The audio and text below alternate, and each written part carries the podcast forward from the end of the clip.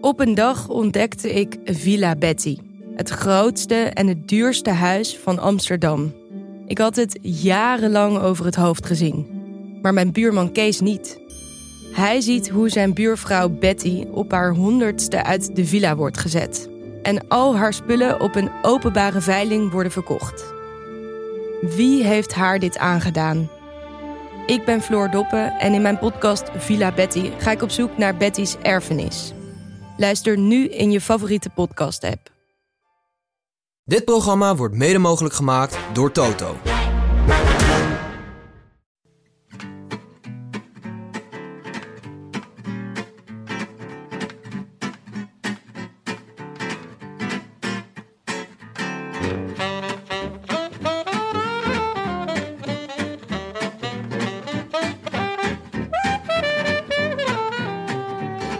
Het is maandag 24 juni en live vanuit de Dag en Nacht Studio's in Amsterdam West is dit de Rode Lantaarn.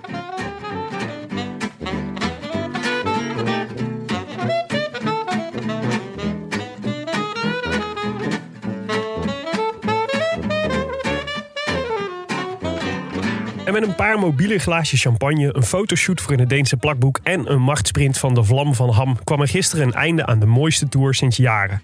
Maar uw bankzitters voelen geen kater, nog een zwart gat. Gelukzalig voldaan zijn we, als na het grand dessert in een sterrenrestaurant na 20 geweldige gangen. Met een hart vol herinneringen van de verregende start in zomers Kopenhagen, Hoyle Björn James, tot de full circle van Fabio en Dylan, van het centimetertje van Taco tot de strobal van Primos, van het voortdurende bijlswerk van de Jumbo's tot de gevelde eikpokkie op de Col du Granon, van de slippertjes in de afdaling tot de vrede van de spandel. Het was, in goed Frans, genieten met de pet op. En nog wel het meest met een geel-zwarte pet, want na jaren van schilderen met Ravensburger werd de masterpiece in de Tour de France voltooid. Geel en de bollen voor Vingegaard. Groen en de superstrijdlust voor die kleinzoon van een Nederlandse opa en oma. Merci pour tout, heren renners. Wij gaan even liggen. I wish I could be in the south of France. In the south of France. Sitting right next to you. Willem, Maaike. Ik zit hier met twee Brabo's, bedenk ik me net. En ik hoorde het ook ineens toen het over het grand dessert ging. Grande zeg. Ik hoorde hem ook. Ja, geniet er maar van, Tim. Ik vind dit veel. Eh, ja, dat snap ik. Dat snap ik. We zullen proberen om onze zachte G onder controle te houden. maar ik beloof niks. Dankjewel. Mhm. Worstenbroodjes. Ehm wij gaan terugblikken op de tour. Ja. Conclusies trekken. Mhm. Einvoelen en verstehen. Champagne drinken. Champagne drinken. Of cola. Een van de twee. Ja, we vertellen niet welke het is. Nee. Het Suis en borrelt allebei. Iets met prik. Eh, ik wilde eerst even weten, Maaike, gaat het een beetje? Want eh, je bent een heel weekend eh, ben je aan het sporten geweest. Ja. En contractueel hadden we afgesloten dat je niet zou sporten. Afgesproken. Mhm.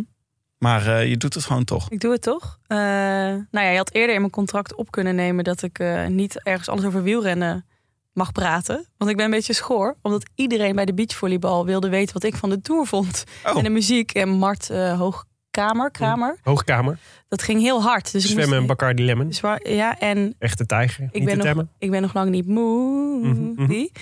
Mooi. Mooi. Dit was alles wat mijn stem nog gebied had. Ja, dus eh, dat stond heel hard. Dus ik moest heel hard mijn best doen om mijn stem daar te gebruiken. Hm. Nou, je klinkt zwoel. Ja, nou, Ja, dat is vaak het gevolg van een eh, lekker katertje. Precies. Maar Ja. ik had het ook hoor. Veel mensen die over eh, wielrennen wilden praten. Bij mij in de straat dan, Mhm. althans. Maar iedereen is er gewoon vol van op Ja. het moment. Ja, en terecht ook. Hadden jullie, Ja. eh, hadden jullie dan, hebben jullie dan een, een pitch?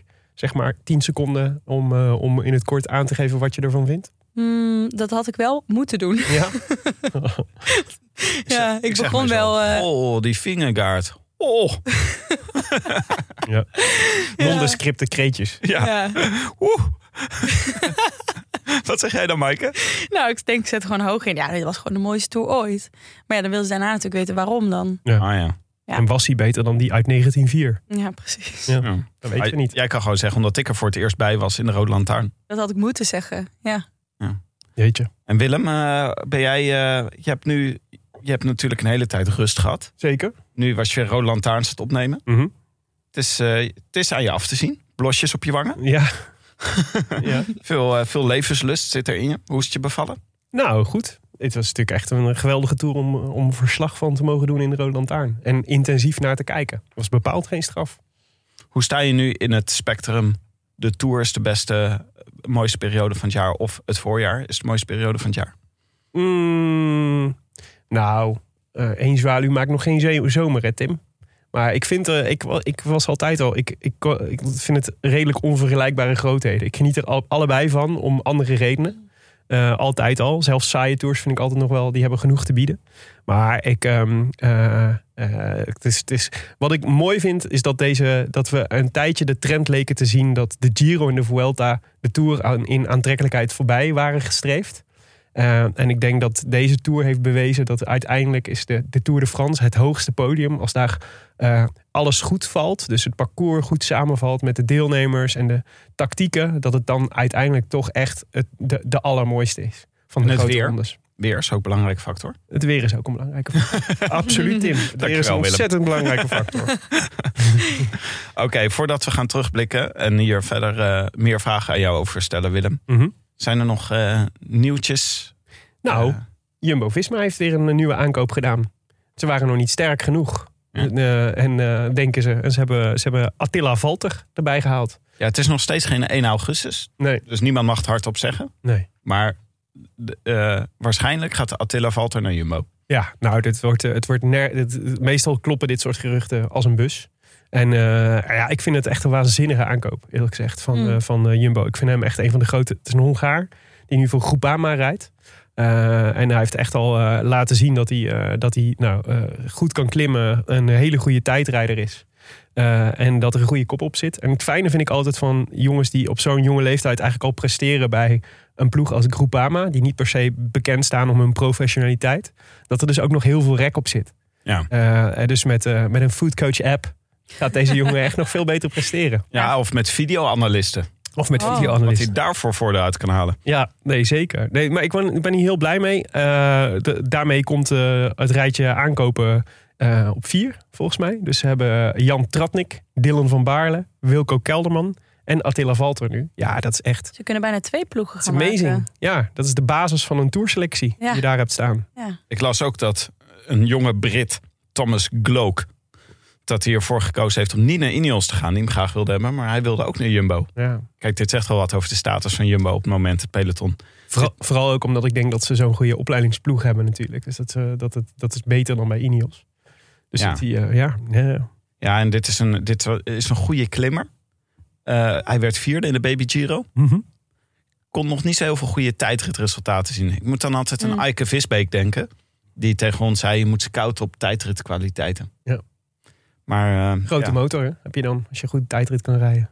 Ja. Zie je wel een vingerguard. En eh, hoe gaat het ondertussen met onze vriend Miguel Angel Lopez? nou, ehm, verdacht van eh, handel in drugs. Dus Hij eh, werd, zijn gangetje. Hij werd, ja, precies. Hij werd aangehouden in, eh, in, eh, op het vliegveld in Madrid. Volgens mij, Hij- op de Ja. terugweg vanuit Colombia. Ja, waarschijnlijk om hier zich voor te bereiden op de Vuelta. Ja, precies. En, eh, en eh, prompt werd hij aangehouden, ons Miguel Angel. Eh, op verdenking van drugshandel. Nog, eh, nog, niks, eh, nog geen, geen, niks bewezen of wat dan ook. Maar genoeg reden voor Astana om hem eh, pending het onderzoek op non-actief te stellen. Ja, en hij wordt wel echt als verdachte genoemd. Hè? Dus niet meer als eh, getuige of iemand die moet verklaren of zo. Dus dat is wel Ja. serieus, denk ik. Ja, Ja. jeetje. Ja, hij wordt zo bijna gewoon meer een renner voor Mobbystar dan voor Astana, vind ik. Ja, nou ja, ja en eh, die eh, Maynar, want daar gaat de zaak over, hè? Ja, Die wordt verdacht van handel in, eh, in drugs en witwassen. dat is, de, dat is een arts, toch? Dat is een arts die dus ook al in verschillende dopingzaken met anabolen en EPO ook al voorkomt. Iemand bij wie je ver vandaan wil blijven als Ja. profrenner, zou ik zeggen. Ja, dus wat dat betreft komt eh eh Mico Angel eh, Mm, er misschien op twee manieren niet zo goed vanaf. ja. Het is toch wel een beetje een raar verhaal begint het met hem te worden, toch? Eh, vorig jaar dat hij ineens zijn fiets parkeerde tijdens de Vuelta en dacht ik pak de, pak de taxi. Mhm. Peren en zijn ploeg niet wist waar hij was. Dat was eigenlijk het laatste wat we echt van hem gezien hebben. Sindsdien is het gewoon eh, huilen met de pet op. Deze jongen maakt niet een bepaald stabiele indruk. Mooi gezegd, Willem. ja. Dat is toch de analyse waarvoor we je, waarvoor we je graag hebben. Ja, er was nog een transfer van die, eh, die eh, mijn aandacht trok. Namelijk nou, eigenlijk nou ook een, dus een transfergerucht. Maar Lorena Wiebes, die gisteren de, de eh, gele trui pakte op de Champs-Élysées in de Tour des Femmes. Mhm. ehm, die zou van DSM naar SD Works gaan. En dat is natuurlijk wel een, een, eh, een eh, boeiende overstap. Ja, Want dan gaat ze, zou ze in één keer bij de allersterkste ploeg van het eh vrouwenpeloton rijden. dan wordt die ploeg wel heel sterk. Ja, dat dacht ik ook. Dan blijft er ook niet zo heel veel over voor Nee. die anderen. Nee, dus of dat nou goed is voor het vrouwenwielrennen, dat weet ik niet. Nee. Dat je beter de echte goede verdeeld kunt hebben over de ploegen. Ja, Aan de andere kant wil je iemands talent ook volledig benutten. Dus ja. van haar snap ik het wel als je dat zou doen. En het is wel een gevolg van een, van een vreugdevolle ontwikkeling toch in het vrouwenwielrennen. Want de, de verklaring die ervoor wordt gegeven is dat zij heeft in het contract staan dat ze, ze lag in principe nog vast bij DSM. Maar ze mocht weg als er aanbiedingen kwamen die ze eigenlijk niet kon weigeren. Dus die veel beter waren dan, eh, dan wat DSM kon bieden. En eigenlijk is, het, is wat er gebeurt is dat er de afgelopen jaren steeds meer geld komt in het, eh, in het vrouwenpeloton. Dus dat de salarissen ook hoger worden. Wat ook Ja. volslagen terecht zou zijn. Want eh, de, de verhalen, zeker aan de onderkant van het vrouwenpeloton, van, van vrouwen die nog een bijbaantje moeten hebben Ja. om, eh, om maar rond te komen, zeg maar. Ja, maar de- er komt steeds meer geld in het peloton en SD Works heeft daar een heleboel van. En kan dus, kan dus Lorena gewoon wegkopen bij, bij DSM. Ehm, dat is dan op zich positief. ja, het zegt in ieder geval iets over de professionalisering. Ja. Al hoorde ik dus eh Roxane Kneteman ook wel zeggen dat het voor haar misschien wel iets te snel gaat, de ontwikkeling van het vrouwenwielrennen. Omdat die World Tour teams moeten een minimaal salaris betalen. Ja, En dat gaat voor heel veel ploegen ook heel moeilijk zijn om dat dan voor een grote ploeg te doen. Ja. Eh, en ze zei ook, ja, dus als je 18 bent en net naar de vrouwen overstapt vanuit eh, de junioren, Ja. dan moet je zo'n meisje al dat betalen. Terwijl die zou waarschijnlijk ook met meer ook wel akkoord gaan. Dus dat vond ik ook wel interessant. Dat het misschien wel bijna te hard nu gaat voor eh, ja, ja, hoe niet breed het veld aan echte toppers dan, dan nog is, zeg maar. ja. groeipijn hè? Groeipijn, Maar goed, ja. als je zag hoe, eh, hoe Lorena Wiebes gisteren de sprint van Vos won op de Champs-Élysées. Met wat voor verbazingwekkend gemak eigenlijk. Ja, Ehm, en volgens mij eh, vandaag is ze alweer de favoriet voor. eh, nou, misschien is deze de aankomst van vandaag meer iets voor Vos.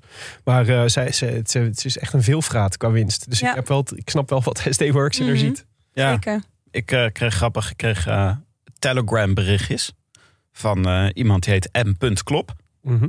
Eh, ik weet eigenlijk niet hoe die aan mijn Telegram komt, maar ineens zei die... Ja, als iemand jouw nummer heeft, kan die gewoon zien dat je erop zit, denk ik. Ah ja, of misschien ook al met e-mailadres. Maar in ieder geval, die zei tegen mij... Mag ik jullie verzoeken de Lorena Wiebes hype train op te zetten? Eh, ik vind eigenlijk dat ze schandalig underhyped is, schrijft hij. Ze staat, ehm, eh, ze staat gewoon vierde hè, in het, eh in het Nou, eh, derde sinds gisteren. Ja. Net even in gekeken. het CE-klassement. Eh, weet je wie is voorbij is? Demi Vollering. Kopecky. Ah, Oh! Oef. Ja, ik heb het ook nooit gezien in die Kopecky hoor. Oh, Nee, maar inderdaad, ze staat gewoon derde eh, dit seizoen. Dus dat is gewoon op basis van alles wat er verreden is. ja. Eh, dus- 14 overwinning al. ja, dus de hype train eh, mag zeker aan voor Wiebes. Eh, ik kwam haar toevallig, ehm, ik had haar ook gewoon nog niet zo goed op het vizier. Tot ik een verhaal over haar tegenkwam en toen ook even erin dook. Dus dit berichtje van, eh, hoe heette die? M. Klop. En punt klopt. Ja, kwam precies op het moment dat ik ook haar even was gaan googlen. En eh, inderdaad dacht van waarom weten we zo weinig over haar? En is er zo weinig aandacht voor haar? Maar dat is nu na gisteren de etappe denk ik wel eh, een goede start. Goede, Ja. eh, goede start voor de hype train. Maar ja, 2200 volgers op Twitter. Mhm. 11.000 volgers op de Gram. Dat is niet zo heel erg veel voor een eh, prof wielrenner. Nee, Bijvoorbeeld Demi Vollering heeft meer dan 60.000 volgers. nee, dus bij deze. Ja. De, Lo- de, de Lo- Lorena Wiebes Hype Train Is Ja. vertrekt. Vanaf station de Vertrekt. Gier. Oké, laten we het over de Tour hebben, jongens. Maar niet voordat we eh, even aandacht besteden aan onze sponsor van vandaag. Eh Seasucker. Eh hebben jullie hem al op de auto gehad? Ik nog niet. Het fietsenrek wat je op je auto kan doen. Ja, hij, hij staat klaar. Ik heb hem nog niet gebruikt. Ik Ah, heb, ja. hem wel, ik heb wel de instructies gelezen. En ik voelde enige nervositeit over Ik ook. drie bevestigingspunten Ja. die eh, zuignappen waren op, eh, op de auto. Ik las ook dat dat, dat, dat dat vaker gebeurt. Dus dat mensen eh, in hun reviews opvallend vaak praten over de nervositeit die ze voelen als ze het voor het eerst gebruiken. Beetje hoe Vingegaard ook eh, zich voelde een paar jaar geleden. Ja, precies. En dat, eh, maar dat het iedere keer meevalt bij iedereen. Dus daar hou ik me maar aan vast. Dus dat is, ik was ook met de doos bezig, want ik vertrek vrijdag op vakantie. Ja, En toen zag ik ineens dat er ook weer een tubetje bij zat. En toen dacht ik, oeh, moet ik weer allemaal extra handelingen verrichten? Hm. Maar het schijnt inderdaad heel makkelijk te zijn. Tubetje. Ja, een tubetje met eh, spul. Een tubetje met spul. Heb jij al gelezen waarom eh, waarvoor dit nodig is? Ik heb geen idee waar dit toertje voor dient. Nee. Bij mij Dat weet gaan we ik, uitzoeken. zijn het gewoon, eh, zijn het gewoon eh, zuignappen die Ja. je gewoon heel makkelijk op en af haalt. Ja, Ja, je kan hem dus bovenop je, op je auto kun je fiets zetten. of aan de achterkant. Aan de achterkant. Ja. Met zuignappen. Ja. En met de kortingscode de Lantaarn 15 krijg je 50% korting. Hartstikke lekker. Dus eh C-Sucker. Met, eh, ja, zoals je het schrijft. S-U-C-K-E-R. C-Sucker. Ja, een C met S-E-A. Ja. Zeezuiger betekent het. eigenlijk. Zeezuiger. Ja. Oké, de Tour. Eh, laten we beginnen met de algemene vraag. Hoeveel ballen geven we deze Tour? Ja, ik las laatst dat eh, een boekrecensent van NRC zes ballen aan een boek had willen geven. Maar dat kan niet, want dus het zijn er maar vijf. Nou, ja, dat zou ik ook voor deze tour willen aandragen. Dus je zou er eigenlijk zes willen geven, maar Ja. met eh, frisse tegenzin vijf. Vijf Dat ballen. dan helemaal het maximum is. Ja, Ja, ik sluit me daar wel bij aan. Ik vind vijf, ik vind vijf O's wel voldoende. vijf uit vijf. Nee, ja, het is alles toch. Het is toch ehm, deze tour heeft toch alles wat hij nodig heeft om tegen iemand die nog nooit tour heeft. Stel dat dit de eerste tour is die je kijkt, dan is het toch, dan ben je toch vertrokken voor de rest van je leven. ja. Dit is toch, dit is toch. Dan kan het ook pijnlijk worden hoor, vanaf, eh, vanaf nu. Ja, ja, ja, er gaat natuurlijk weer een tijdperk Rob Ruig komen Ja. ergens. Maar dit was, eh, dit, was, eh, dit was fantastisch. Dit was de, nou ja, ik, ik vind het de beste tour die ik gezien heb. Eh, de laatste waar ik aan moest denken, die diezelfde amusementswaarde voor mij had, was de, de tour van, eh, van Rabo, van Rasmussen. Maar dat was ook wel echt om een andere reden. Maar de entertainment value daarvan was ook vrij hoog. Ja. En, ehm, eh, maar dit, hij, hij had alles. Hij had alles, deze tour. En, en het einde. eh, er zitten zoveel verhalen die hier samenkwamen uiteindelijk. Dat is, dat is, het is een, ja, fantastisch. Vijf ballen. Ja, maar vijf ballen vind ik wel. Dus dan valt alles op zijn plek. Dus ik wil voor 4,5 bal gaan. Want Roglic, die, niet, eh, die uiteindelijk niet mee kon doen om het klassement. Mhm. Jammer. Bernal er niet bij. Hmm. Ook jammer. Dat zouden nog twee verbeteringen zijn die ik nog kan bedenken. Van, eh, om echt alle klasbakken op een piek tegen elkaar te hebben. Ja. Dat, is nog net, dat zou nog één eh, ontwikkeling kunnen zijn die de Tour nog beter maakt. Maar qua gewoon wat er kan gebeuren in de koers. Precies. Het parcours, de verschillende weersomstandigheden. Het drama wat erin zat. En ik vind altijd vooral het terugkomen vind ik zo leuk. Dus dat er, als er in het eh, klassement, als er dingen gebeuren als, eh, zoals nu, Pogacar die echt ruim voorop ligt, waarvan je denkt, die is gewoon onverslaanbaar, en dan toch verslaanbaar blijkt, dat is precies wat het nodig heeft om echt het gevoel te hebben dat er iets, dat alles op het spel staat en er dingen kunnen veranderen. En dat had deze tour. Ja, en hij is ook. eh, ehm, het is ook niet dat het. Ik zei net. De, ehm, nee, hij heeft ook. eh, hij is niet klaar nu. Het is niet een punt. Het is een punt, komma wat er hier gezet is. Deze Dus- tour is een puntkomma. Dus je voelt aan alles dat er, dat er hier weer ook de basis is gelegd voor nieuwe verhalen. Waar wij de afgelopen eh, jaren waren we echt best bang van... we gaan nu een, een doodsaai nieuw tijdperk Armstrong of Indurain tegemoet. Waarin Pogacar alles eh, de komende tien jaar alle tours eh, opsnoept. Eh, ligt het nu weer helemaal open. En, eh, en dat is fantastisch. Want je, en ik, als ik nu nadenk over de Tour van volgend jaar... Vorig jaar hadden we meteen opgeschreven... dit is Pogacar eh, die, hem, eh, die hem gaat winnen. En, en eigenlijk 2023 en 24 en Mhm. 25 ook. Nu zou ik het niet weten Nee. wie er gaat winnen. En dat is fantastisch. Dat is echt een fantastisch uitgangspunt voor iets nieuws. En dat is het knappe waarom ik het wel echt een vijf sterren tour vind. Is omdat hij, laat, hij heeft een, een heleboel verhalen rondgemaakt, maar ook een heleboel verhalen gestart. Ja. En dat is echt, dat is echt, dat is de, volgens mij de essentie van een, van een fantastische Tour de France. Nu, als dit een Marvel-film was geweest, was er beslist een post-credit eh, scène geweest in deze tour. Ja. Met een vooruitblik naar de tour van volgend jaar. Ja. ja, die zullen we waarschijnlijk in de Netflix-docu gaan. Misschien dan zo- zo'n post-credit scène waarin Pogacar, waarin je Pogacar eh, met iemand ziet praten en een hand ziet schudden omdat hij hem vastlegt voor volgend jaar. Ja. En dan gaat de camera zo langzaam naar het andere gezicht en dan zien we ineens Mike Teunissen. ja. Of Roglic in een eh, blauw shirtje of zo. Of Roglic, ja. ja, ik kom er straks nog wel even op, denk ik. Mhm. Ja. Ik ook. Daar krijg ik het een beetje warm van. Ja. Maar ik vind je dus heel kritisch met 4,5 bal. Ja, ik ook. Ja, nee, dat mag. Maar ik, eh, ik wil gewoon nog steeds een keer Roglic op zijn piek tegen Pogacar op zijn piek zien. En ik hoop dat dat, dat dit jaar gaat gebeuren. En ik hoop dat we niet onze kans gemist hebben. Dus ik Mm. hoop dat Willem gelijk heeft. Dat het een open verhaal is. Maar ik denk, het, ik denk eigenlijk dat we nog wel een keer zien. Maar laten we het daar zo over hebben. Mhm. Eh, is het altijd leuk om even naar onze eh, voorbeschouwing te kijken. Die we destijds opnamen in de tuin van Maaike. Ja, Mike is landgoed. Ja, het landgoed. Echt grote tuin. en de terugkeer van Willem. Dus we zaten allemaal erg hoog in de emoties. Zeker, en het was erg vroeg. Het was eh, anderhalve week voor de, voor de start van de Tour... waarbij de startlijsten nog niet helemaal bekend waren. Ja, dat was, Dat is wa- goed om even Dat te zeggen. ja. enigszins gehinderd. ja, dat hadden we expres gedaan. Dachten we, zijn we lekker vroeg? Is handig voor ieder spoeltje en zo. Ja. Maar ehm, dat was niet zo'n handig idee. Want het was inderdaad bijvoorbeeld Jumbo. Die wachtte ook heel erg lang tot het bekendmaken van de eh, selecties. Maar dat is ook wel af te zien aan de voorspellingen. Nou, laten we een paar hoogtepunten uit onze voorspellingen pakken. Mhm. Nou, ik vond het mooi. Het eerste wat ik zag was Jonne die zei... ik kijk uit naar Poggi tegen het Soepie. Ja. Maar vooral tegen Roglic. Nou, dat hebben we gekregen. Ehm, Deels. ja, als hij met het soepie Jumbo-Visma bedoelt, Dat denk ik wel. Ja, dan, eh, dan klopt het. Ik denk dat hij eigenlijk bedoelde Jumbo-Visma en Ineos als, Ja. eh, Mm. als het soepie. Maar wel interessant inderdaad dat wij denk ik in de voorbeschouwing... eh, eh, eigenlijk van Roglic en Vingegaard Roglic nog net iets hoger inschatten dan, eh, dan, eh, dan Vingegaard.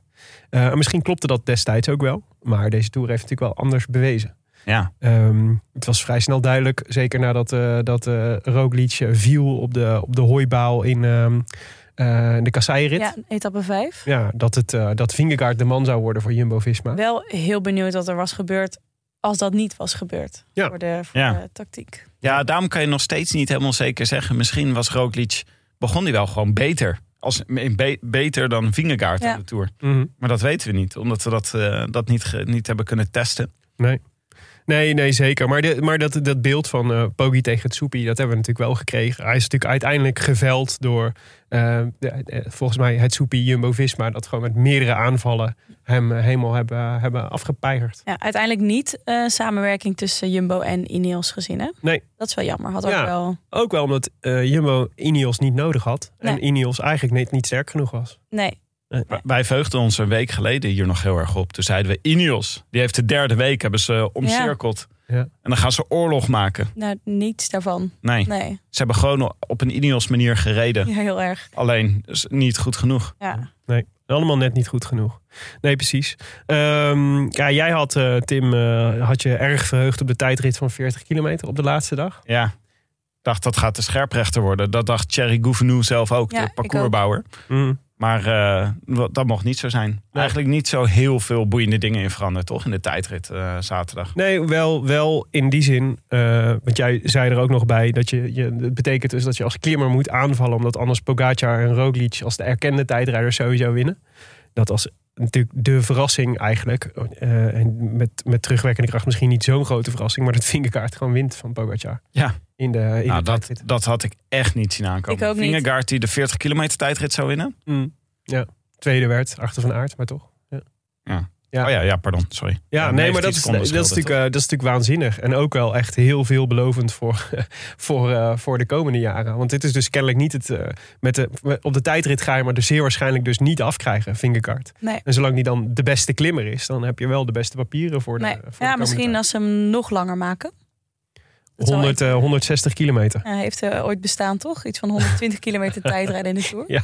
Ja, of een klimtijdrit zou ook wel weer anders kunnen zijn. Als ze weer het plankje van de mooie meisjes doen als Mhm. tijdrit, Ja. dan is het misschien toch weer anders met Pogacar. Maar Ik heb bij, eh, bij Jumbo-Visma heel erg het idee dat ze steeds meer en meer aan het hopen zijn op een team time trial van, eh, van eh 50 Het kilometer. zou echt niet leuk zijn voor, voor de rest Voor van het niks. peloton. nee, voor nee, niks. nee, dat wordt echt. Het is langzaam geen tijdrijder meer die niet voor Jumbo-Visma rijdt. Ja. Eh, ja. Maar ik had één observatie nog over de tijdrit. Is dat eh Vingegaard en Pogacar hetzelfde soort manier hebben van die tijdrit te doen. Namelijk met heel veel agressie en heel veel kracht. Ten opzichte van zeg maar de beheersing van die Dumoulin altijd heeft in zo'n tijdrit. En die we eigenlijk een beetje gewend waren van de goede tijdrijders. Is het gewoon rammen. Beuken. Ook de hele tijd Echt zo met heel- hun hoofd ja. naar boven naar beneden, Ja. boven naar beneden. Echt Ja. zo alsof ze... Ja, maar laat volgens mij ook zien dat de tijdrit eh, voor sommigen als Dumoulin eh, erg op stijl eh, aankomt. Eh, maar voor dit soort jongens eh, eh, volgens mij een heel hard hoofd hebben. Dus gewoon heel hard kunnen duwen tegen die pedalen. Ja, wat ik wel heel vet vind. Dat die twee dat het soort van twee andere disciplines worden. Ook in hoe het eruit ziet. doorzettingskracht ook. Ja. Het is echt gewoon de woede om die tijdrit gewoon... om het schema vol te houden waarin Ja. je begonnen bent. Ja, ja, misschien ook wel bijna meer angst om er iets te verliezen. Dan per se het willen winnen. Want volgens mij is dat ook een tijdrit. Ja. Als Ja. je een klassementsman bent. Ja, ja, precies. En eh Vingegaard zei dit ook letterlijk zo. Ja? Die zei letterlijk van, ik, had, ik heb alles op alles gezet om te voorkomen dat zich weer hetzelfde voor, eh, voor Ja. zou doen als met Ja, ik zag inderdaad een interview achteraf waarin hij een beetje dit frame koos. Van het is me gelukt het niet uit handen te geven of zo. In Mhm. plaats van dat hij voor de woorden koos. eh, ik heb alles gedaan om te winnen. Was het vooral alles gedaan om nu niet nog het geel te verliezen. Dat zijn wel heel, volgens mij heel betekenisvol dat hij die woorden Ja, kiest. ja. Want zo zal denk ik de hele tour eh, voor hem gevoeld hebben. Mhm. Eh, bang, bang om het eh, niet, niet te winnen vooral. Of om het vond, te verliezen. vond eh, heel leuk. Gisteren was een, ik meen bij Vive le Velo, was een, een interview met de vriendin van, van Vingegaard. Die veel geroemd wordt om haar mentale effecten op, op Mhm. de, de, de, de zenuwen van Vingegaard zelf. Ze is ook eh, een jaar of tien ouder dan hij. En, ehm, en zij had het dus heel erg over, dat vond ik heel leuk, dat, hij, eh, dat ze hem heel hard had, het afgelopen jaar heel erg had geholpen met eh, het omarmen van de zenuwen. In plaats van eh, de zenuwen zich, zich- hem te laten beletten om te presteren. Maar dat het gewoon dat het, dat het de zenuwen er mochten zijn. Ja, En dat had hem heel erg geholpen, zei hij. In, eh, in, het is niet iets wat je moet Mm. ontkennen of waar je moet, tegen moet vechten. Maar je mag het ook gewoon omarmen. En gewoon, ja, logisch. Logisch dat ik zenuwen heb, Ja. is super spannend. Ik kan hier de Tour winnen of, of verliezen. En dat is prima. Ja. En dat had hem heel, dat had hem heel erg geholpen. Vond daar sowieso... gesprekjes? Zijn dat die gesprekjes aan de telefoon? Nou, Misschien, misschien wel, ja. Ik dacht dus wel eh, na gisteren, misschien zijn we iets te hard geweest over die telefoontjes. Ja, het zag er heel aso uit. ja. Maar wetende eh, hoe erg hij met die zenuwen heeft geworsteld. En in deze positie Ja. eigenlijk twee keer ook, nou niet per ongeluk natuurlijk, maar wel twee keer niet op voorhand al heel. Nou ja, oké, vorige keer, eh, vorig jaar wel eh, bij het uitvallen van Roglic. En dit jaar heb ik wel het gevoel dat Vingegaard misschien toch wel kopman eigenlijk was vanaf het begin. Dat Jumbo dat alleen niet zo eh, gedeeld heeft. Mhm. Ehm, maar dat hij dan daarna belt met zijn, eh, met zijn vrouw. Eh, omdat hij in een bepaalde Ja. emotionele staat is, dacht ik, oh, misschien zijn we toch iets te hard voor hem Ja, geweest. ja, misschien had hij het wel, was het wel per se nodig om Ja. hem sane te houden. In Ja. die, eh, Ja, het is ook hartstikke spannend, jongen. Het is ook hartstikke spannend, natuurlijk. Rustig. Neem me le- lekker rustig wat. ziek in bed gelegen voor koers en wilde gewoon niet opstappen, hè, omdat hij zo zenuwachtig was. Ja. Nou, er wordt nog wat als hij volgend jaar favoriet is. Ja, nou ja, hij, het was wel. eh, ik denk dat de grootste drempel is overwonnen nu natuurlijk. Hij heeft gewoon Ja. laten zien dat hij het kan en hoe hij ermee kan dealen met zijn, eh, met zijn, eh, met zijn nervositeit. Ik bedoel, zelfs, zelfs de speech op het podium was na. Oh. Dat, die, ik bedoel, het was niet per se best. Als in, het is geen gro- grote. Het is niet Martin Luther King, laten we het zo zeggen. Maar, ehm, maar zelfs dat, daarvan dacht ik, ja, dit is natuurlijk super spannend. Hij wekte de indruk dat hij overvallen werd door de vraag dat hij iets moest zeggen. Mhm. En hij begon heel wijfelend en eh, eh, eh, dit en dit. En, maar uiteindelijk kwam er, best een, kwam er best een verhaaltje uit. En leek hij redelijk op zijn gemak op het Mm. podium. Toen dacht ik, nou, als je dit kan, als je hier niet, niet, niet van ineen klapt, zeg maar, van ellende. Dan, komt het, dan, dan, dan kan die favoriete rol, die staat je ook wel. Ja. Dat is ook wel vreselijk hoor. Dat moet je mensen niet aandoen. Dan hebben ze net een Tour de France gereden. Ja, Al je focus ligt daarop. En ineens moeten ze gaan public speaken voor heel Parijs. Hè? Want ja, als je in Parijs bent, wel eens in Parijs bent geweest bij die tourfinish. Die, die speech, die, die sturen ze gewoon, die hoor je langs het hele parcours. ja. Echt door de hele stad. Dus de- ineens gewoon Ja, al je de hele wereld kijkt mee. Hier, microfoon. Ja. Succes. Eh, nou, ik wil graag eh, Ja, en, dan, goed te doen. en dan heel bang zijn dat je een van je teamgenoten vergeet te noemen. ja, ja. ja, en ook bedankt aan die ene... Ja, en zo'n, kind dat moeilijk gaat doen in Ja. je armen. Ja. ja. Het was op alle fronten was het, was het ingewikkeld. Maar de, dit is natuurlijk, hier hopen ze natuurlijk op zo'n Federer op Wimbledon momentje. Die dan soort, die zo'n prachtige, prachtige speech kan geven. En iedereen precies op de juiste toon, de juiste mensen bedankt en dat soort Ja. dingen. bij tennis is dat altijd verbijsterend, vind ik. Ja, ja, ik Ja. vind het wel mooi dat dat hier juist niet is. Dat het zo een beetje hakkelend nee, maar ik dacht wel voor het puntje voor de evaluatie van Jumbo-Visma. Je had die jongen gewoon even een speakbriefje moeten geven met wat hij had, eh, wat hij had moeten zeggen. Ja. Wat me sowieso altijd wel verbaast. Dat ik vaak het idee heb dat, hij, dat zeker bij Vingegaard, die dan wat meer moeite heeft om zichzelf makkelijk te uiten. Of iets origineels of spannends of leuks te zeggen na een, eh, na een rit. Denk, help die jongen, geef hem gewoon even twee, drie zinnen Ja, mee die hij kan gebruiken. ja. Weet je wel, Ja. als, eh, dat is eh, een lesje voor de evaluatie. Gewoon historische woorden. Gewoon dat hij in ieder geval afsluit met de hashtag samen winnen. Ja, precies. Nee, maar iemand als, bijvoorbeeld iemand als Wout van Aert bijvoorbeeld, die heeft dat dus niet nodig. Die is gewoon, waar, waar die ook staat, wat hij ook doet, hoe moe die ook is, gooi er een kwartje in en er komt altijd wel iets interessants uit. Ja. Die snapt gewoon hoe die die media moet, eh, moet eh, bespelen. Vingerkaart heeft daar altijd toch een beetje moeite mee. Ja. Hè, de, dus de, de- bedenk maar, wat is, het nou, wat is nou de, de quote van Vingerkaart die je van deze tour is bijgebleven? Nou, is niet eigenlijk heel moeilijk. Benoot was uh, good in the first week. En uh, at the end, it was also strong. Ja. Ja. Mooi. One, one of the best helpers in the world. Had hij het over uh, Laporte. Geef hem eens ongelijk. Super bedankt.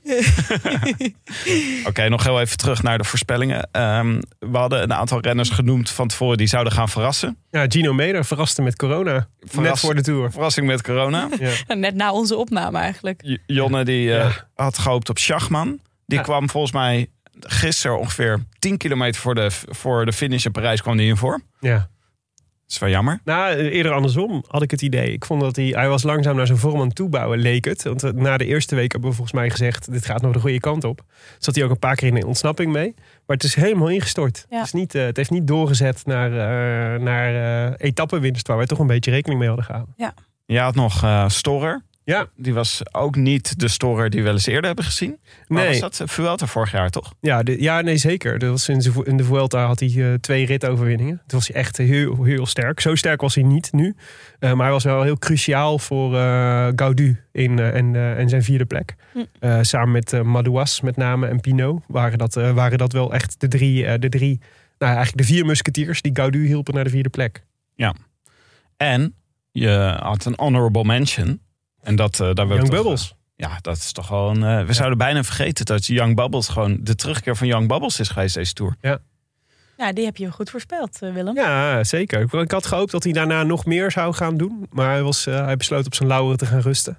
Nee, het was fantastisch natuurlijk. Om hem Ja. weer te zien in, eh, in, in, eh, in goede vorm. En, en zo goed dat hij een etappe in de Tour kon winnen. Ja, op een vrij epische wijze. Vrij epische wijze. Dus in, ben, eh, in Zwitserland, hè? dit Bij gaat- de Port du Soleil. dit, gaat nog wat, dit belooft nog wat voor de toekomst. Ik heb hem daarna niet echt meer gezien, eigenlijk. Nee. Hij is nog best wel kort geëindigd. Hij zat eh, elke dag redelijk, zeg maar, in het tweede groepje. Ja, Ja. maar ja, hij kan ook wel klassementen rijden. Heeft hij ook wel bewezen.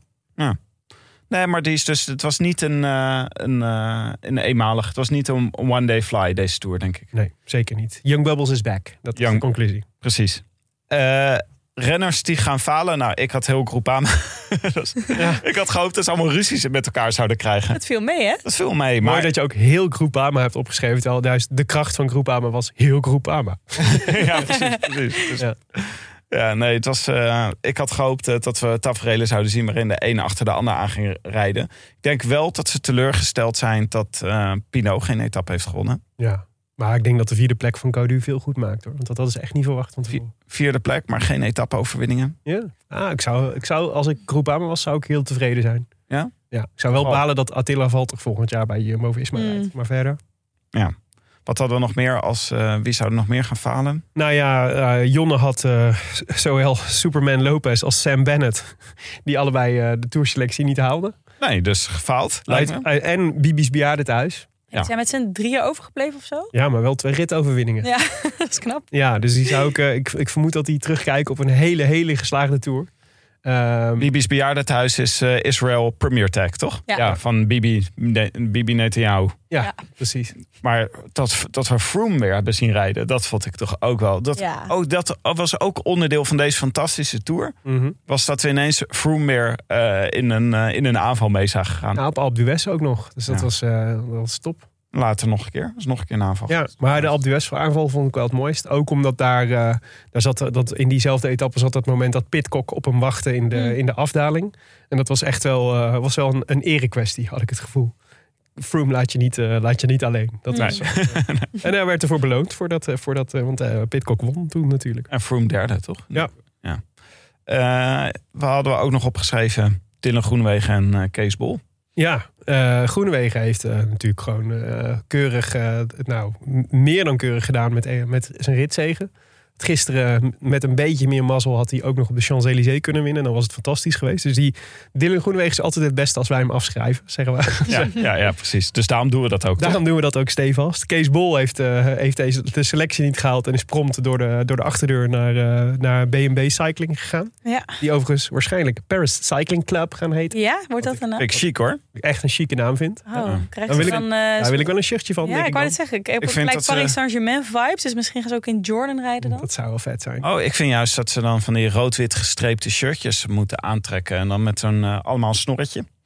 En een mooi, eh, zo'n mooi petje naar de koers op. En een baguette onder de arm. Ja, daar moet ze, daar moet ze vol voor gaan. En Adam Yates had ik nog als eh, tegenvaller. Nou, die is inderdaad tegengevallen. Ja, Ja. dat was wel jammer. Ja, ik dacht, we gaan nog heel even door op de, op de koers, eh, op de negatieve koers. Mhm. Ja, ik wilde zeggen dieptepunten, maar dat is, dat is weinig deze Tour. Wat zijn tegenvallers geweest die we toch dachten van, eh, ja, dat was jammer. Want ja, waar mensen winnen, Willem, Ja, verliezen er ook mensen. Hè? dat, is, eh, dat zeg je mooi. En eh, ik wilde als eerste Daniel Felipe Martinez noemen. Ja. Daar had ik wel gehoopt dat hij om, de, om Ja. het podium mee zou doen. Nee, de, waar de Lorena Wiebes Hype Train de station is, heeft verlaten, is die van Daniel Felipe Martinez met pech weer teruggesleept naar het, naar het station, Ja, ik. ik, ik denk niet dat hij van tevoren verwacht had dat hij kopwerk zou doen in Parijs. Nee. Dat was, Eh, eh, nee, en, nee, ja, sneu. Hij, was, eh, hij is ziek geworden. Hij leek er in de derde week al redelijk doorheen te komen. Ze zat ook in, die, eh, in de laatste Pyrenee-rit met eh, Van Aert nog lang vooraan.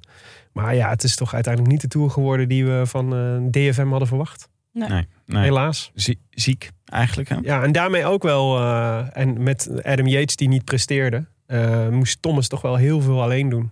En het is eer Thomas en Pitcock, zeg maar, die de, de grote mannen voor Ineos worden, dan, eh, dan eh, Adam Yates en eh, Daniel Felipe Martinez, wat misschien sommige mensen, zeker met Daniel Felipe Martinez, wel hadden verwacht. Ja. Nou, laten we hier dan even het puntje Ineos van maken. Hm. Want eh, dat was, ehm, dat, dat is natuurlijk, dat, ik denk dat ze het zelf als tegenvallers zullen evalueren. Maar mijn gevoel was dat Thomas, ook hoe die de tijdrit reed afgelopen zaterdag, gewoon weer even goed was hoor, als toen hij de Tour won. Ja, maar ik, ja, dus ik snap in die zin eh, ook niet zo goed hoe Ineos gekoerst heeft. Dus echt volgens mij heel erg behouden en defensief. Eh, terwijl er misschien wel meer in het, in het vat zat.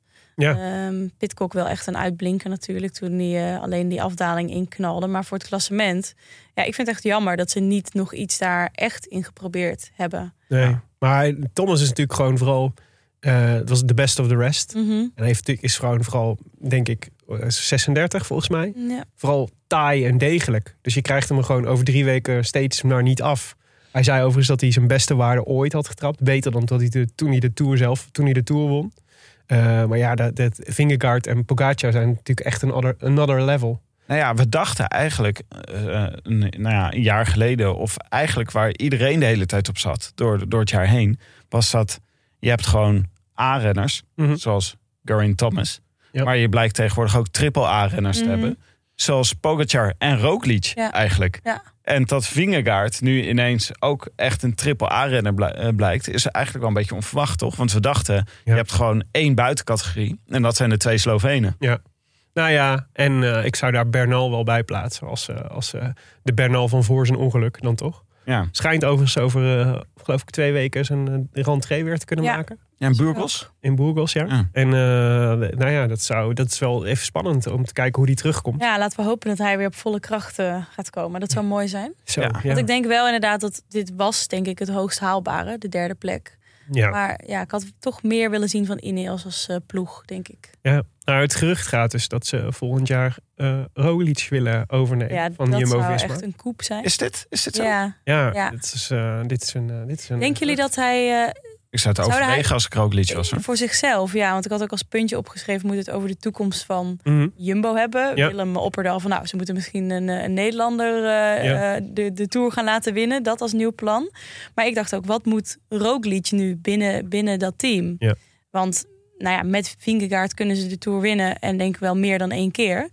Eh, met die versterkingen erbij hebben ze gewoon weer een supersterke ploeg voor de komende jaren. Ja. Waar, ja, wat is de plek van Roglic binnen dat team? Ah, er zijn meer grote rondes. Vuelta en de Giro is ook super, zijn ook super mooi. En, eh, en eh, als je een van die twee voor, het eigen, voor zijn eigen succes kan gaan, dan is natuurlijk de Tour interessant om, Ja. om, eh, om nou ja, misschien niet te. Kijk, hij is natuurlijk altijd nog een echt een enorme luxeknecht. Dus zelfs in de Tour van nu, waar hij dan weinig. eh, hij was onmisbaar. Ja, Zelfs geblesseerd was hij onmisbaar voor de, voor de Tourzegen.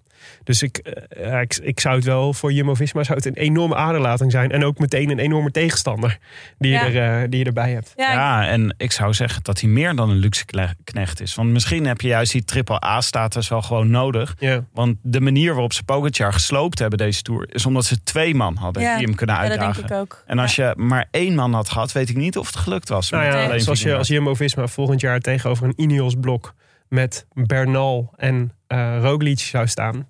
Ja, dan, eh, Ja. dat is dan dat is een different ballgame. Ja, Ja. ja. Ja, Dus en ik zou me geloof ik niet zo snel laten gaan als ik... eh, Nee, nee, ik ook niet. Want ik denk was. wat Tim zegt, dat het eh, is gelukt omdat je eh, heel lang het beeld hebt kunnen vasthouden van twee kopmannen die allebei in principe de Tour kunnen winnen. Ja. En dat dat ook de reden is waarom Pogacar achter Roglic aanging. En als je dat niet hebt, maar gewoon puur voor Roglic zelf, als Jumbo weer kiest voor een plan voor Vingegaard om de Tour te laten winnen. Ja. Ja. ik weet niet of hij... eh tuurlijk zijn de Vuelta en de Giro super mooie koersen om te winnen. Maar ik denk dat Roglic ook de Tour wil winnen. Ja, hij moet gewoon volgend jaar weer mee als kopman hoor, naar de Tour. Dat Ja. zou ik het liefste zien. Ja. Maar ik wil graag als eh, dieptepuntje wil ik de, in, het, eh, in het verlengde hiervan ook even toevoegen. Lance Armstrong, die nog even eh, de mening moest inbrengen dat eh, wat hem betreft Roglic gewoon door had moeten fietsen. Ja. En Roglic nu blijkt waarschijnlijk twee ruggenwervels gebroken te hebben. Ja. Maar hij was niet de enige. Hè? Dus als kritiek op het eh, vroege afstappen van Roglic... en dat hij niet genoeg voor het team had gedaan. Ja. Nou, dat was al, was, vond ik echt al gelijk onzin. Eh, want hij, heeft gewoon, hij is degene waar eh Pogacar achteraan moest. Maar helemaal met terugwerkende kracht nog extra... omdat hij inderdaad gewoon gebroken ruggenwervels heeft. Ja, ja, hij kan waarschijnlijk de Vuelta niet rijden. En dat ja zou dat is echt, echt jammer zijn. Ja. Ja. En Poggi gaat waarschijnlijk de Vuelta ook niet rijden. Dus dat, is wel een, dat wordt nog wat. Het Oh wordt ja? rust- het wordt rustig in Breda, op die grote kerk. Hmm. de start. Ik zie kansen voor Wilco C. Eh, gaat Wilco C de Vuelta rijden, ja? Nou ja, als, eh, volgens mij staat het op het programma, toch? Hm? Nou, zou ik nu in ieder geval wel leuk vinden. Ja. Ja, who knows. Oké. ehm, Andere dieptepuntjes, tegenvallers? ja. Ehm, misschien, eh, nou kijk, het was, het was jammer dat... eh, nou, ik- de, de, ik vond de eerste week fantastisch. Ik had wel meer gehoopt qua spannende koers in Denemarken. Ja. Eh, en daar zat het weer gewoon tegen. Dus wat we toen concludeerden van eigenlijk was het weer precies verkeerd om voor de dagen. Namelijk de dag van de tijdrit was het verschrikkelijk. En eh, alle andere dagen was het zonnig en wind, windstil. Dat had precies andersom moeten zijn. Dan was het nog spectaculairder geworden. Van de andere kant, we hebben ons prima vermaakt in We hebben ons Kopenhagen. zeker Maaike. goed vermaakt. Ah, een ja. keer waaiers Ja. was toch wel leuk geweest. Eén keer waar is gewoon ergens in de Tour. Dat was wel... eh, Ja. Ja. Ja. dat was één etappe met een waaieralarmpje. Maar dat was, eh, dat was na drie seconden was die opwinning alweer. eh, Ja. was die al, toen reden ze een dorpje binnen en dan weet je al, dit is verloren. ja. Wel even hartkloppingen bezorgd. Ja, ja, precies. Ik had ook nog opgeschreven Geske die de bollen net niet pakt. Ja, ja, Vond ja, ik jammer. ook wel het lange gezicht van Geske gisteren toen hij alsnog in de bolletrui Dat moest lijkt rijden. me toch zo vreselijk. En ook het beeld op het podium van een paspop met, het bol met de bolletjes eromheen. Ja. Daar moeten ze echt iets op verzinnen. Ja. Want eh, de, bo- de bolletrui was natuurlijk in het, er was bij Jumbo in het eh, bezit. Ja, maar ik snap niet waarom doen ze niet half-half of een bolle moutje Lapjes- aan een... ja, vroeger. ja. Dat, dat, is toch, dat, dat is toch beter dan een paspop? Ja, of en, stuur Vingegaard gewoon nog een keer. Eh, nog een keer het podium op, Ja. ja. maar je kan toch ook een supertrui maken? Dat je zeg maar level up gaat, dat je gewoon geel met... Maar dat was, dit was vroeger. Dat was een lapje. Ja. een lapjestrui. Ja, ik ben Oh, ik dacht dat lapjestrui... De eh, leider in, eh, in alle klassementen. ah, Dat zou vet zijn. Dus dat je dan ook goed voor Wout van Aert half groen, half bol. Ja, Dat lijkt me ook een hartstikke mooie combinatie. Ja. Ja. ik zou het wel, eh, ja precies. Ik wil nog wel een dieptepuntje met jullie delen. En vooral eentje waar ik heel benieuwd naar ben hoe jullie daar als... Jullie zijn toch journalisten? In ieder geval ex-journalisten. Ben je zelf nog steeds een journalist, Mike? nou sinds ik reclames voor C-Circuit uh, inspreek Jij iets bent- minder. Maar je bent eh, een contentmaker. ja. contentmaker. Maar eh, Influencer. influencer. maar ehm, ik heb net toch wel met enige verbazing gekeken naar de persconferentie na afloop van de tour. Eh, en met name eh, de vraag die eh Vingegaard en Van Aert en Richard Plugge kregen over zijn jullie te vertrouwen? En nou snap ik heel goed dat sentiment natuurlijk. Hè? Ik snap dat je, dat, je, eh, dat je wil weten, hebben jullie doping gebruikt, ja of nee? ja, Maar denk, A, iemand vragen of hij doping heeft gebruikt... lijkt me niet de beste manier om daarachter te komen. En het voelt, Van Aert werd er boos over, over die vraag. Want er zit natuurlijk een soort insinuatie in. Maar ik had ook het gevoel dat hij vooral boos werd... omdat er is een, het is onmogelijk om die vraag te beantwoorden. Als in, wat moet ik, wat moet ik antwoorden op het moment dat jij zegt... als je me de vraag stelt, ben je te vertrouwen... dan doe je het eigenlijk al per definitie niet. Dus ik dacht, ik snap heel goed waar de behoefte vandaan komt. Maar ik, was, ik dacht, misschien moeten we het even over hebben. Hoe zou je nou op een betere manier kunnen een renner kunnen bevragen over het onderwerp betrouwbaarheid eh, en doping? Nou, ik denk niet dat een persconferentie daar de plek voor is. Dus in die zin snap ik ook wel de reactie van, van Aert. Eh, want eh, ik denk ook, je maakt je als journalist je er echt makkelijk vanaf... door op een persconferentie zo'n vraag te stellen... in plaats van echt onderzoek te doen. Ja. Want je gaat niet op een persconferentie iemand op doping kunnen betrappen. Dat Nee. gaat, gewoon, gaat daar Het niet stoorde me verschrikkelijk aan dat die journalist die het deed... zei ook na afloop op Twitter, zei ja, ik durf de moeilijke vragen te stellen. Toen dacht ik, dit is Ja, helemaal nee, geen nee, moeilijke dus vraag. je, je, simpelste vraag aller tijden. Precies. Ja, dus je, je zet jezelf eh, zo van, nou, dan heb ik in ieder geval daarna gevraagd. Terwijl dit juist niet de manier is, denk ik, om er onderzoek naar te doen. Ja. Eh, want dan moet, daar moet je dus onderzoek voor doen. Maar dat het thema eh, naar boven komt, vind ik, ja, dat is denk ik altijd terecht in het wielrennen. Mhm. Eh, door het verleden, maar ook nou, misschien nog steeds wel door, het- door, het, door het heden. Banden die er nog zijn met mensen van vroeger. En eerlijk is eerlijk, ik dacht, na de tijdrit had ik ook even een nagevoel. Mhm. Dat ik dacht, hoe kan iemand nou in zoveel disciplines zo goed zijn? Ja. Ehm, en ja, je wil heel graag geloven dat dat allemaal dat dat gaat eh, zoals het gaat. En dat je een paar supertalenten hebt. Ja. Maar je bent, ik ben nog steeds wel op mijn hoede voor, voor echt heel grote prestaties of uit, eh, Ja, uitschieters. Maar dat heb ik ook wel. Dus dat, dat zeg maar, de, je, je, je bent altijd huiver, precies huiverig Ja. daarvoor. Maar als het vanuit het niks komt. Maar ik denk dat je vanuit, hè, dat is waarom we wel eens eh, onze wenkbrauwen fronsen bij Bahrein bijvoorbeeld. Zeker. Die dan soms Ja. in één keer heel erg goed zijn. Ja, en daar, die invallen zijn ook echt niet voor niets. Dat geloof, ik geloof niet dat, eh, dat eh, wat is het, Eu- Mhm. Europol of Interpol, die dat recht heeft om dat te doen als ze geen aanwijzing hebben. Dus Ja. Het zou wel fijn zijn als ze daar een keer met bewijs komen. Dat dan, zou anders, inderdaad, dat, dat blijft het de hele tijd zo boven Precies, hangen. dat wordt wel eens Maar tijd. Jumbo-Visma is natuurlijk wel geleidelijk steeds aan steeds beter geworden. Ja, Maar wat ik heel moeilijk vind, is dat dat, dat lijkt de, de, dan het precies, eigenlijk is precies wat jij zegt. Dus de- ik vind het, je maakt het er zo makkelijk vanaf als sportjournalist om dan bij zo'n persconferentie te vragen: ben je te vertrouwen of Ja. gebruik je doping? ja. Wat verwacht je dat iemand zegt? Als hij, als hij eh, A, ze zullen nooit, als ze het doen, dan zullen ze het nooit daar toegeven. En B, het, de, de, de, de- de- als, ze, als ze ontkennen, dan, is, dan heb je ze in een positie gedwongen waarin ze iets moeten verdedigen waar ze eigenlijk waar, waar ze part nog deel aan hebben. ja. Ja, of misschien als ze heel rood worden en beginnen te stamelen. Ben je Ja. vertrouwen? nou, ja. Eh, ja. Nee, maar volgens mij gaat het in dit geval gewoon meer om de vraag dan om het antwoord. Ja. Dus deze journalist vindt het tof van zichzelf dat hij de vraag gesteld heeft. Ook al kan, kan je hier geen zinnig antwoord op geven. nee. Maar het is eh, de, gewoon dat de categorie de triple A-renner is ontstaan.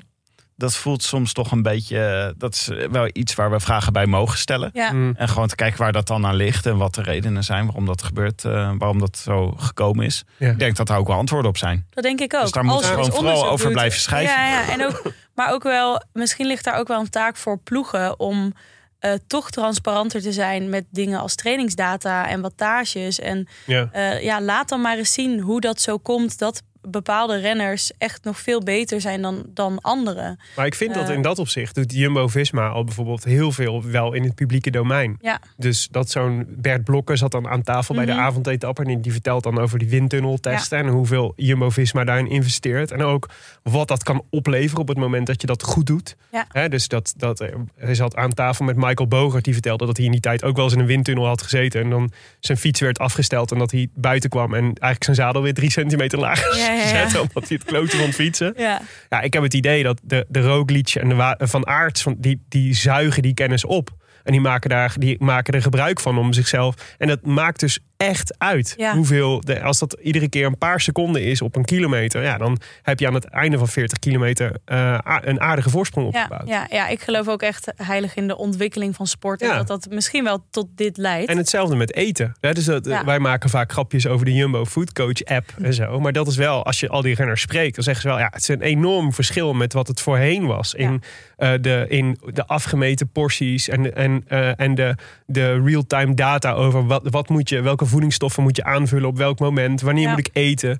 Eh, dat, dat maakt natuurlijk allemaal verschil. Dus ik vind in dat opzicht vind, ik- verdient Jumbo-Visma vind ik echt al een groot compliment. Want ik vind eigenlijk juist dat ze dat heel erg wel naar het publieke domein hebben gebracht. En Ja. er zal ongetwijfeld nog een wereld achter zitten van geheime videoanalisten Hm. die wij niet kennen, die, eh, die er ook aan hebben, die er ook aan bijdragen.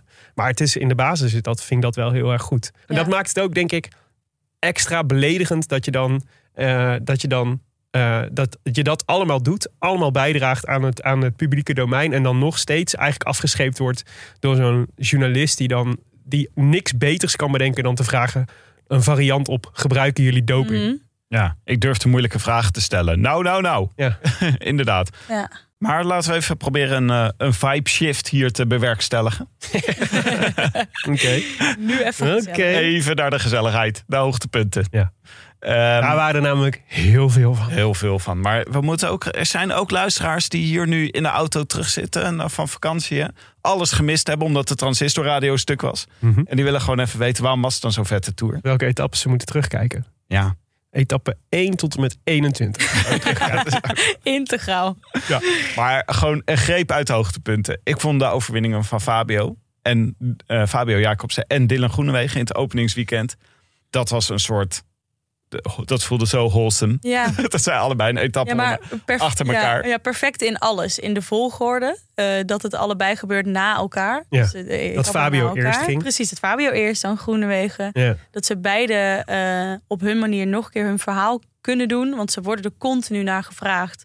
Eh, nou, het lijkt me echt een opluchting, ook voor Groenewegen, dat hij, eh, nou, dat iedereen ook kon zien wat het ook met hem deed. En dat moment met zijn vader. Dus dat de, de samenloop daarvan en de volgorde en de timing was echt perfect. Ja, nou, tot aan de reactie van Jacobsen. Precies, de dag die eerst bozig was op, Ja. eh, en ongeïnteresseerd was over de overwinning van Groenewegen. Maar de dag daarna daarop terugkwam. Ja, En eigenlijk de positie, de benarde of moeilijke positie van Groenewegen in dit hele, in het hele debat.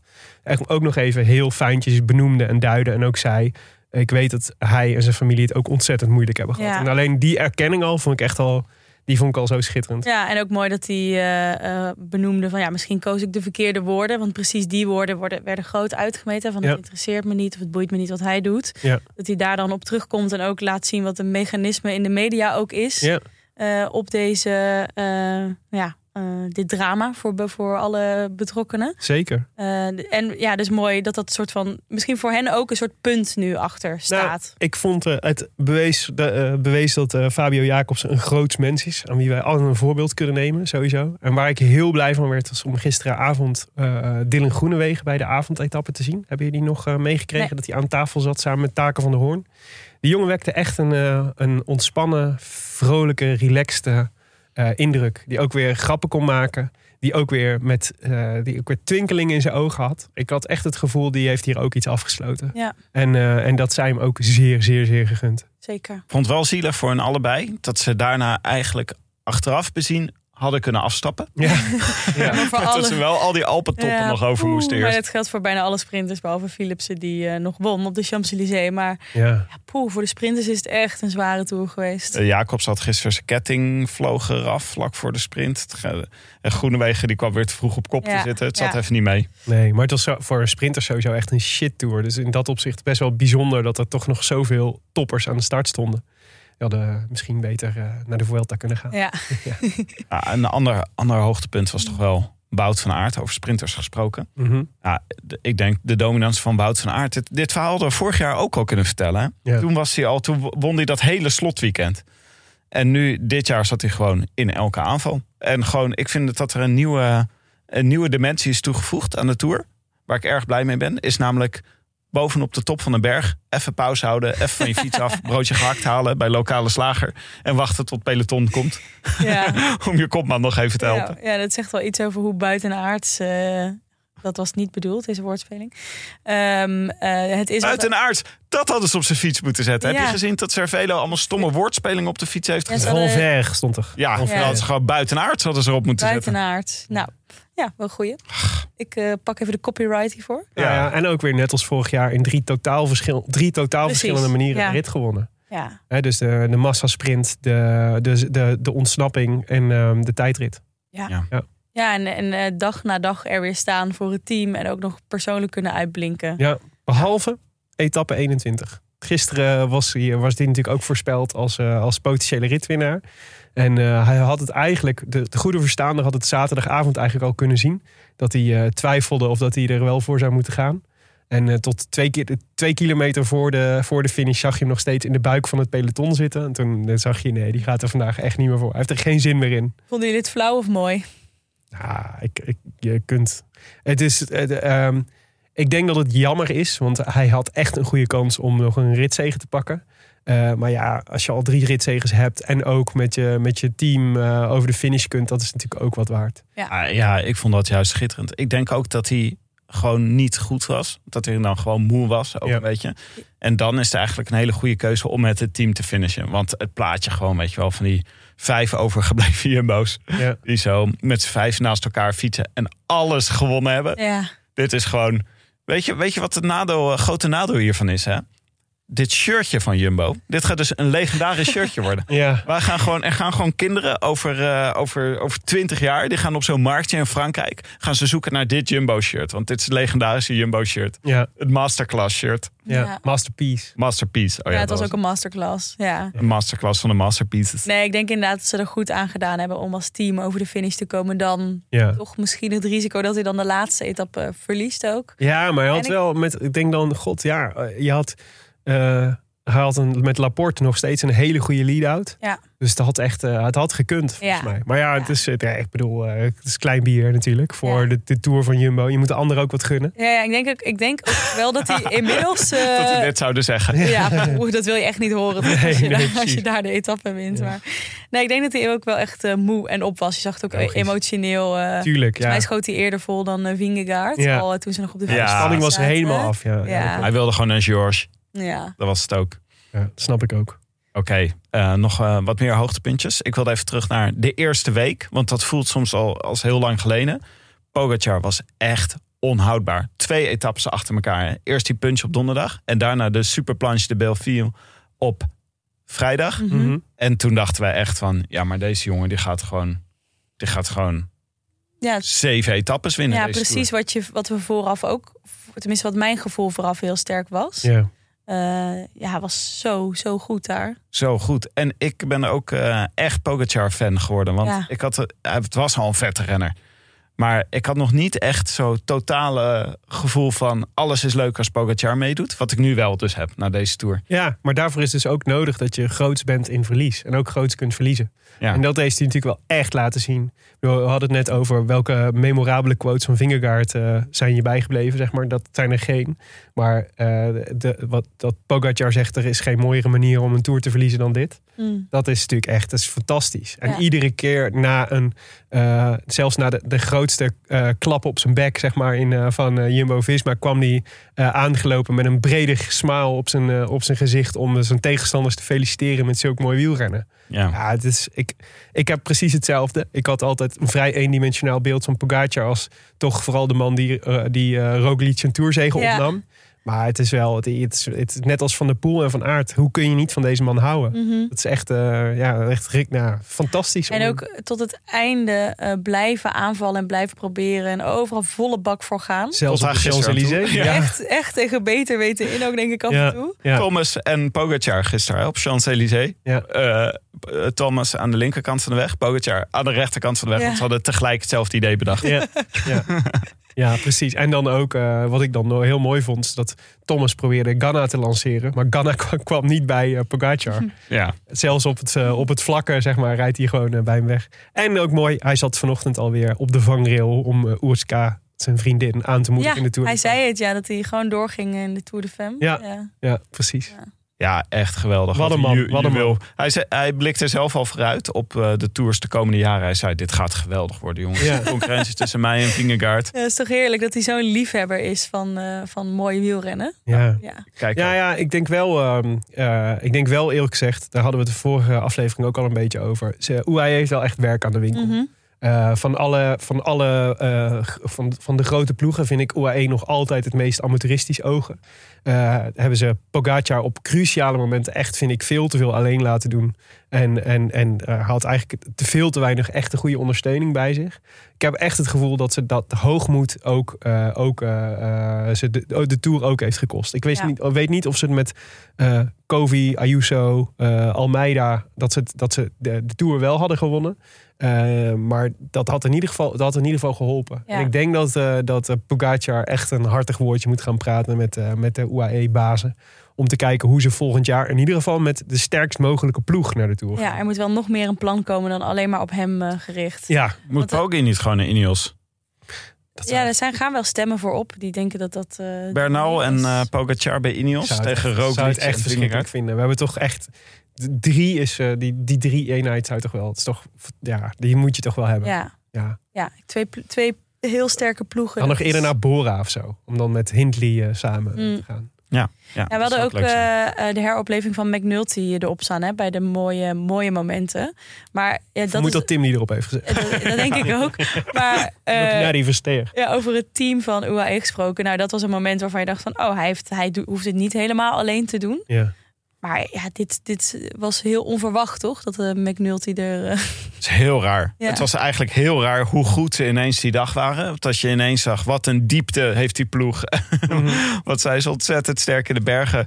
En de dag daarna konden ze weer niks. Nee, maar het was echt volgens mij eh, de laatste restjes energie. Alles eruit persen. Ja, het was echt dood of de gla- gladiolen die dag. Ja. Maar je ziet wel dat McNulty heeft dus wel het vermogen om dit te doen. Dus die, dat zit, be- hij zit, daar zit wel een superknecht in hoor. Ook voor Pogacar volgend jaar. Mm. Dus ik zou McNulty en Maika zou ik houden en dan aanvullen.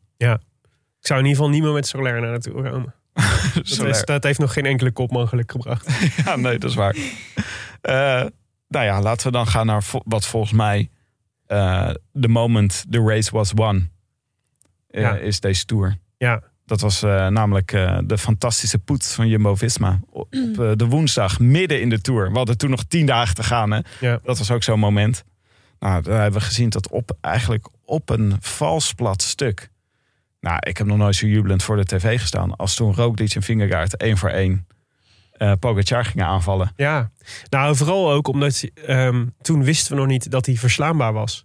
Dus dat het, dat het effect zou gaan hebben. Dus op dat moment zelf dachten we, wat vet dat ze dit doen. En het is de enige manier om te proberen. Maar we wisten nog niet of het effect zou hebben. Het leek te, te vergeefs op dat Ik moment. zag Ja. iemand op Twitter, eh, volgens mij Daniel Freep van de Cycling Podcast, die vergeleek het met: eh, het is eh, als een houthakker die de hele tijd eh, met de bijl tegen een boom aan het rammen is. En, eh, en denkt elke slag is vergeefs, maar uiteindelijk gaat de boom wel om, zeg maar, als je maar Ja. blijft slaan. Ja, En, eh, en, maar wij dachten natuurlijk, het is een, dit, de, de on, on, eh, breekbare eik. Maar dat was, eh, uiteindelijk bleek hij toch te vellen. Ja. En dat zagen we op de Col du Granon. Maar ja, het was echt... eh, we zeiden net, eh eh, Roglic heeft echt zijn functie gehad. Ja, zonder Roglic was dit niet, had dit niet gekund. het was echt uh, Roglic ook dood of de gladiolen. Mhm. Ja, Dit is het, het punt was ook hier natuurlijk dat dit is wat je altijd graag wil zien, maar wat je altijd onthouden blijft. Ja. En dat, is, dat was dat er nu werkelijk gebeurde. Aanvallen gewoon alles, alles op alles zetten midden in de tour, waardoor de rest van de tour fantastisch wordt. ja. Hier kwam, hierna kwam overigens het voornemen van Jumbo Visma om hierna de tour site te maken. ja. Blijf me Het gelukkig blijft- niet is gelukt. wat gelukkig niet is gelukt. Ja. Maar het was, eh, dit was echt, dit was fantastisch. En hebben we natuurlijk ook uitgebreid op nabeschouwd in, eh, in de Rode Lantaarn al. Ja, Dus ik dacht, laten we nog even naar een paar andere hoogtepuntjes gaan. Eh Pitcock op Alpe d'Huez. Mhm. Ja. Dat, eh, een, een, smoke, een, een smoking gun. Of een, eh, een, een Tsjechovs gun. ja een Tsjechofs gun, ja. Eh, eh, ja, Pitcock, als je het hebt over de toekomst van, eh, van Ineos... dan ben ik vooral ook heel benieuwd wat ze met hem gaan doen. En wat hij zelf wil ook. Ja. Of hij zichzelf ziet als een, als een grote ronde renner. Ehm, eigenlijk zou je zeggen dat hij alle eigenschappen heeft om, eh, om daar top in te worden. Eh, en ook bij een ploeg zit waar dat zou moeten kunnen. Eh, dus ik ben heel benieuwd. Ik hoop het heel erg. Ja. Dat hij eh, in huis heeft wat Ineos denkt dat hij in huis heeft. Ja. ja, en ook wel echt een leuke gast. Ja. Ook heb een paar keer interviews met hem gezien. En toen op een gegeven moment dat hij na, die, eh, na zo'n enorme warme dag in een eh, dorpsfonteintje sprong om af te koelen. Ja, Ja. ja het zijn toch wel, dit zijn toch wel de karakters. Dat een, heb ik toch gek genoeg ook onthouden als een van de hoogtepuntjes. Dat, hij naar de deze, deze fragmenten. Maar wij hebben altijd een WhatsApp groepje van totaal wielrennen. Waar alleen de renners in mogen die echt aan totaal wielrennen doen. Er Ja. zit natuurlijk Van Aert en Mathieu van der Poel zit erin. Pitcock was er even uit zou ik willen zeggen. mhm. Is, mag hij weer terug? Nou, ik vind als je, als je in een jaar tijd Olympisch kampioen mountainbiken kan worden en de, de, de d'Huez rit in de Tour wint. eh, eh, en wereldkampioen eh, veldrijden, toch? Ja, de cross. Is hij ook wereldkampioen? werd hij daar weer wereldkampioen? Oh, dat weet ik niet meer. Maar in ieder geval, eh, ja, dus die mag terug. Mag in het WhatsApp groepje. Net als Pogacar trouwens. Mhm. Met zijn eh, Ronde van Vlaanderen en, eh, en, eh, en Ja. deze. Ja. Ja, ja dus dat... druk in het groepje. Ja, maar je moet dus... Gelukkig mogen er 256 mensen in tegenwoordig. Ja, ja, dat scheelt wel. Ja, dat verwacht ik wel dat dat gebeurt met wielrennen. Want blijkbaar is dit wat er voor nodig is om een goede wielrenner te zijn op het moment. Ja. Verschillende wapens hebben. Ja, ja. nee, maar ehm, ja, Pitcock, zeer benieuwd. Eh, en dan had ik nog opgeschreven de Otakam in de Pyreneeën. Ja. Op donderdag. Toen had ik het gevoel, nu heeft Jumbo het helemaal. Nu hebben ze het helemaal onder controle. We hebben natuurlijk een paar keer in de eerste week... hebben we tegen elkaar gezegd... is het nou slim om met Wout van Aert naar de Tour te gaan? Om ook voor de groene trui te gaan? Nou, niet om, te- om hem mee te nemen naar de Tour... want dat stond als een paal boven water. Mhm. Maar om, hem, om ook met de ploeg voor de groene trui te gaan rijden. En ik had toen bij de Otakam... toen dacht ik wel van... ja, maar nu hebben ze het gewoon... ze hebben gegokt op alles Ja. en alles gewonnen. Ja. En op Autokam waren ze ook gewoon totaal onder controle. Ik weet nog wel, volgens mij was het ook die beklimming waarin uh, Tisch Ja. ook achter Bardet ging aanrijden. ja. Dat was wel een beetje onnodig. Maar aangezien je toch bent gekomen voor alles Mhm. en alles je gelukt is, kan je dat ook wel doen. Ja, ik denk dat in wat ehm, professionaliteit van de Jumbo-Visma-ploeg vooral oplevert ook... eh, dat je als je professioneel bent op alle vlakken... Plug had als, bijvoorbeeld als voorbeeld dat ze voor die enorme hete dagen... een peloton aan vrijwilligers hadden ingevlogen... om overal langs de kant met flessen water te staan of een bidons te staan. Zodat ze, dat hun renners niet hoefden, steeds hoefden af te zakken naar de teamauto en terug te komen. En dat hij zei... eh, dat lijkt een klein dingetje, maar dat betekent gewoon dat je, dat je eh, energie spaart ten opzichte van alle anderen die dat wel moeten. Ik denk dat ook bijvoorbeeld dat eh, food program wat ze, wat ze hebben en hun allround professionaliteit, dat dus ook voor zorgt dat je minder moe bent aan het einde van na die drie weken dan sommige andere teams. En dus langer mee kan. En ik denk dat je dat dus heel erg zag in die derde week. Dat Jumbo-Visma gewoon... En het is ook de winning mood waarin je dan zit natuurlijk. Want dat is, dat is altijd lastig als je, als je er slecht voor staat. Maar dat dat wel heel erg geholpen heeft... in het verdedigen van de voorsprong die ze, die ze uiteindelijk hadden. Hun hele team bleef goed. Eh, en dat is, dat, ja, dat, is, dat is een enorm voordeel natuurlijk ten opzichte van alle anderen. Dus jij zegt eigenlijk ook onze verdiensten dat wij met bidonnetjes op de berg stonden. Ja, ja, ja zeker. Ja, heb je hem uitgedeeld eigenlijk aan iemand? Heeft iemand hem aangepakt? Ik, heb een, ik wilde het niet aangeven. Was jij... Ja, ik dacht dat jij die, eh, diegene was die Thomas een bidonnetje onthield. Nee, oh, dat had ik wel kunnen doen. Dat had ik op zich wel willen Dat was doen. een filmpje van iemand die dus net als jullie in zo'n Jumbo-Visma Ja. pakje stond met de bidon. En toen kwam Thomas langsrijden en toen trok hij even snel zo Ja, zijn hand terug. Ja. En die bouwman stuurde heel trots dit filmpje naar ons Oh ja? in het groepje. Zo ja. moet het. Ja, maar ik, ik durfde geen bidon aan te geven. Want ik dacht, ja, als het bij mij misgaat of er een renner valt, ja, dat, Ja. kan- dat Ja. voelde wel een beetje als een uh, Doista Baanhof momentje voor diegene. Als in eh, de, de Duitsers de verkeerde kant op sturen. ja, ja, ja, ja. Ken je die Coton scène niet? Ja, ja, ja. Maar het, was, eh, eh, het, het zou wel echt iets voor mij zijn om dan dat ik zo'n bidon moet aangeven. Dat je dan net struikelt en zo met je bidon in het gezicht van Steven Kruiswijk ramt. Weet je wel, zo. Wat er Oh, bij Pino bam. gebeurde op een gegeven moment. Ja, ja. Een vuistslag in zijn gezicht kreeg. Om de trek Oh, ja. verzorgen. nou, die mag ook nog wel. Nou ja, ik wou Echt. zeggen bij de dieptepunten, maar was ook gewoon Echt wel nog- grappig. Maar wat Jumbo hier kwam doen was eigenlijk, achteraf praten is makkelijk, hè, maar was eigenlijk al duidelijk toen ze een week voor de Tour zeiden... Nee, we hebben gewoon 15 man op onze lijst staan voor de Tour. Hmm. En we gaan gewoon zien, als er één iemand corona krijgt, moet de rest ook fit zijn. Ja. En klaar. En er ge- geestelijk bij zijn. Ja. Dus eh, dat was... eh, Nou, ik vind het. ehm, nee, dit ja, dit- het is, het is een. eh, Het is, we- er is al heel veel gezegd en over, over de tour van Jumbo Visma en hoe dit de, inderdaad de masterpiece was. Maar voor luisteraars die nu in de auto zitten en nog negen uur moeten richting Frankrijk. We hebben, denk ik, anderhalf jaar geleden twee specials gemaakt over de geschiedenis van de Rabobank en, eh, en, en het ontstaan van Jumbo Visma. Eh, met eh, onder andere Marijn Zeeman en Richard Plugge ook. En dat ging toen eigenlijk over vanaf het moment dat Rabo Jumbo, eerst Lotto Jumbo werd. En toen het lachertje van het peloton was. En dat ze eigenlijk langzaam gingen bouwen naar wat het nu is. En die kan ik je echt zeer aanraden Ja. om, om, om te luisteren. Want dat is eigenlijk het hele eh, voorspel wat geleid heeft tot dit moment. En daarin spreekt Zeeman ook uit wat de ambitie, eh, de uiteindelijke ambitie van, eh, van Jumbo Visma is. Namelijk geel winnen in Parijs. Dat is ook waarom je aan alles voelde hoe die... hij spreekt zelf van een trauma van twee jaar geleden. Een Roglic op, op de Planche de Belleville in de tijdrit. En hoe nu alles klaar en af is. En je ook Ja. volgens mij bij al die pluggen en zeeman... allemaal overal een soort van instant relaxation ziet. Van, Mm. het, is, het is geslaagd, Ja. het is gelukt. Het is niet onopgemerkt gebleven. Ja, goede toevoeging. Want ik denk inderdaad dat het goed is om te weten wat deze overwinning waard is. Nog meer als je die geschiedenis van de, van Ja. de ploeg kent. Ja. Ja. we moeten echt niet vergeten dat in 2015 was dit echt was de allerslechtste ploeg van de World Tour. Gewoon, dat, dat, was, dat was, niemand wilde er rijden. En ze hebben het gewoon omgedraaid en omgekeerd. En nu wil iedereen er naartoe. Ja, je Ja. begon net al over dat Britse talent. Zelfs het Britse talent wil niet naar Ineos, maar wil naar Jumbo-Visma. Om daar eh, tot wasdom te komen. Nou, mooi is ook dat, er niet, dat ze niet alle oude mensen eruit gegooid hebben en alleen maar vervangen hebben door nieuwe mensen. Maar de oude mensen zijn ook goed gaan presteren Mhm. en willen zelfs soms weer terugkomen. Ja. Zoals bijvoorbeeld Wilco Kelderman. Mm. Wilco zeker allemaal. Wat een tour, wat een tour. Zijn we nog, zijn we, zijn we nog, hebben we iets belangrijks vergeten? Nou, misschien toch nog een keer eh, die valpartij van Pogacar en dat Vingegaard wacht. En dat ze elkaar een hand geven. Mhm. Dat, Voor dat een hoogtepunt of een dieptepunt? Ehm, nou, niet, eh, geen van beide. Maar ik denk dat het wel een soort mooie samenvatting is van, eh, van de Tour. Ja, En dat het dus uiteindelijk tussen deze twee ging. Eh, met Vingegaard met een hele ploeg achter zich. Maar eh, toch de sportmanship onder elkaar.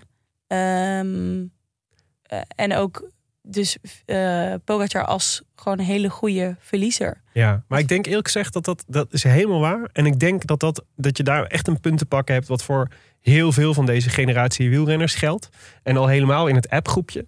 Dat het allemaal renners zijn die elkaars prestatie op waarde kunnen schatten. En allemaal zien dat ze elkaar nodig hebben om een hele vette koers te maken. Ja. En dat ze niks liever doen dan heel vette koers te, vette koers te fietsen. En, eh, en dat is echt voor, voor het publiek natuurlijk geweldig. Want er is, er is niks mooiers dan een bloedveten uiteindelijk. Dat, dat zou ook wel weer lekker zijn als we die weer een keer, als we die weer een keer vinden ergens. Dus da- daarom, alleen daarom is het jammer dat Astana en Movistar zo slecht presteren. Daar moet hij toch vaak vandaan komen, heb ik het idee. Maar het is ook wel heel tof om te zien dat al die jongens allemaal zo eh, nou ja, begaan met elkaar zijn. Maar, ook, maar allemaal blij zijn als er gewoon vet gepresteerd Ja. is. ja, en dus erkennen dat de ander soms beter is. En Ja. dat gewoon vet vinden ook. Ja. Dat vind ik echt heel mooi. Nou ja, precies. En ik denk nog, nog meer dan dat zelfs ook zien dat ze elkaar nodig hebben om tot betere prestaties te komen. Ja. Dat, dat voelt een beetje, dat is een beetje wat we altijd natuurlijk bij Van Aert en Van der Poel al hebben, hebben gezien. Daarvan hebben we altijd gezegd, het is een soort Messi en Cristiano Ronaldo. Namelijk ze motiveren elkaar om steeds naar een hoger niveau te komen. En dat is heel naar voor alle anderen, want die raken daar steeds meer op afstand. Maar ik denk dat dat eigenlijk voor allemaal geldt Ja, dat Pogacar nu weer denkt van... oké, wat ga ik... Nu ben ik, word, ben ik in de rol van uitdager. Wat moet ik doen om volgend jaar eh, dit Jumbo-Visma te verslaan? Ja. En dat is, natuurlijk gewoon, dat is natuurlijk gewoon echt op. Het is gewoon in één keer ligt het allemaal open. Ja, Misschien moeten we eigenlijk een keer zo'n special maken als we toen met eh, eh, Jumbo, Lotto NL Jumbo hebben gemaakt. Moeten we nu maken met UAE, met Machine en Gianetti. ja dus eh, toen werden we betrapt op EPO. Toen kregen we een hele grote zak geld. Toen belandde dit talent in onze, in onze schoot. Dat zou wel mooi zijn. Dat Vrij zij simpel verhaal over hoor, bij UAE. ja. Laten we even kijken naar wat wij als eh, eh, podium hadden opgeschreven. ja. Destijds, een maand geleden. Mhm.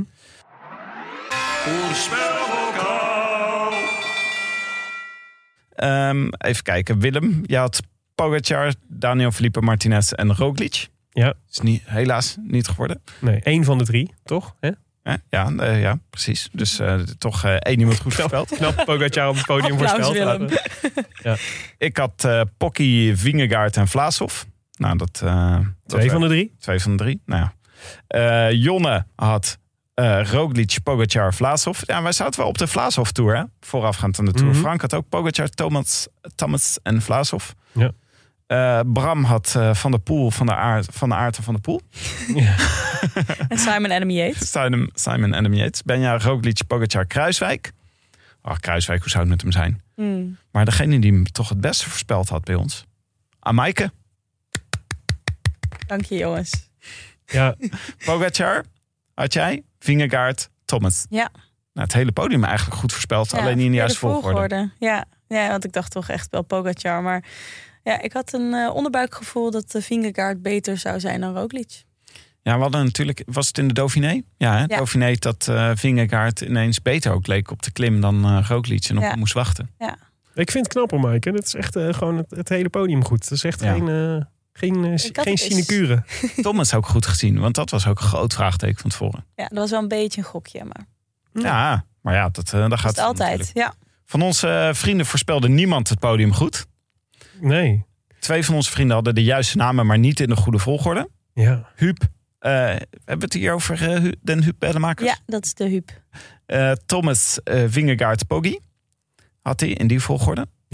Geen, geen van de drie op de juiste plek, maar toch de, het podium. Oh, alle drie. Ja. De naakte waarheid had Poggi, Vingegaard, Thomas. Ben jij de naakte waarheid, eh, Ik ben Maaike? niet de naakte waarheid. Ja. Niet mijn alter ego. Eh, nog een shout-out naar de zeven vrienden die de top 2 goed hadden. Michiel, Roel 2, Niels van der Braak, Thijs van der Krocht, de nitraat van Nieuwerburg, Runner Paul en Pieter van Gansbeken. Eh, we hebben natuurlijk de notaris Bas van Eyck te hebben we gevraagd om een winnaar uit eh, de hooggoed te trekken. Loting. En de winnaar is geworden de naakte waarheid. En krijgt van ons een eh, ges- gesigneerde spullen van Team Jumbo-Visma. Ja, eh Wat? shirtje van Dumoulin. Ah, nee, heeft hij toch niet meer nodig volgend jaar. Echt too soon dit. Ehm, een bidon met heel veel handtekeningen erop. Een soort puzzel. Want dan Oh. kun je even uitzoeken wie wie is. En nog een eh, Hema, Hema team, eh, team Jumbo-Visma handdoekje. Oh, zo. Jeuk. Ja? Leuk. Ja. Ja, jeuk. Jeuk. Ik ervan. Jeuk. Eh, ik, heb, ik heb altijd wel een dubbele houding ten opzichte van gesigneerde shirts. Ik denk altijd, ik vind het doorgaans best wel zonde. Omdat de meeste handtekeningen niet echt mooi zijn. Sowieso. Zo even kijken naar die En van, handtekening eh, is ook niet zo leuk om te krijgen als je niet bij het moment werd geweest dat iemand die handtekening gezet Nee, het heeft. is wel, Tom heeft uiteraard wel een mooie handtekening. Nou, ik zag hem dus eh, precies. Hij heeft, nee, maar ik heb dus ook een shirt met een handtekening van Tom Dumoulin. Mhm. Die, die, ehm, eh, die eh, had gesigneerd bij onze, de opname van de special met hem en Jos van Emden. ja, Die ziet er echt eh, verdomd minder mooi uit dan, Oh. eh, die, dan deze. ik heb hem ook. Ja? Eh, op een eh, zo'n schuim, eh, schuimhand. ja, Eh, En daar staat ook die van, van Bouw en Lauw staan daar ook op. ja. En Dumoulin. En Dumoulin. Ja. En die zijn dus allemaal heel mooi. Ook die, maar eh, ik wil dus heel graag dat je even checkt of dat de Dumoulin handtekening lijkt op deze op dit Ja, shirt. voor- want ik herkende hem daardoor. Dan heeft hij gewoon niet echt zijn best gedaan voor mijn handtekening. Hmm. Verdomme! Dus jij baalt eigenlijk vooral dat hij op jouw shirt geschreven Ja, heeft. gekrabbeld. het is een- Een soort, een soort kleutertekening heeft hij erop gemaakt. Nee, maar je hebt gelijk, want je doet hem niet meer aan, zo'n Nee, shirt. precies. Ja, want als je hem aandoet, moet je hem ook wassen. Ja, en dat wil je niet. Nee, want dan gaat de handtekening ja, eraf. ja, dus hij, maar, ingewikkeld vind ik ja. het. Echt ingewikkeld. Maar je kan hem altijd in je mancave hangen, aan een haakje. Willem heeft geen mancave. Hè. Willem, Willem heeft alleen een groentetuintje. Dat is zijn, eh, zijn deel van Mijn de... man garden. We hadden ook nog... Woeste grassen heb ik. Hoe staat het met je gardening podcast? Eh, nou, sinds de introductie van zes Vlaamse reuzen gaat het slecht met mijn tuin. Oh ja, Die tuin is helemaal aangevreten, joh. Dit was een slechte combi. Mensen die deze podcast nog nooit gehoord hebben, denken op dit punt echt. Dit gaat, loopt totaal uit de hand. Ehm, nog even de voorspelbokaal voor de laatste etappe op Champs-Élysées. Ja. 18 mensen voorspelden Philipsen goed. Onder wie? Max Tollenaar. Leuk. Is Tot winnaar Max? verkozen.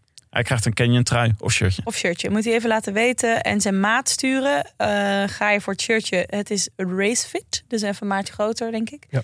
Eh, voor de meeste mensen in ieder geval. En mailen naar post.derodelantaarnpodcast.nl. En de groetjes mogen op Vriend van de Show. We hadden nog goedjes te goed van Frans de. Vries. Ja. Kom er maar in, Frans. Laten we even luisteren. Na een podiumplek bij de NK Wielenquiz van het is Koers en de winst in de pool van mijn oud aardrijkskundeleraar en wielerliefhebber Tjeerd Roosjen is het winnen van de voorspelbokaal de ultieme prestatie. De gele trui onder de quizzen en pronostieken binnen het wielrennen. Het eeuwigdurend opscheprecht zal een mooi plaatsje krijgen op mijn LinkedIn-pagina. Allereerst een diepe en warme groet aan Willem. Ik weet dat het eigenlijk niet mag deze tour omdat hij er is, maar omdat hij ons weer zal gaan verlaten leek me dat toch gepast. Daarnaast doe ik de groetjes aan mijn dochter van een half jaar oud, Suzy.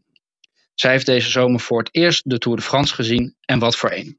Er zullen hopelijk nog vele mooie koer- koersen volgen die we samen gaan kijken, op tv of in het echt.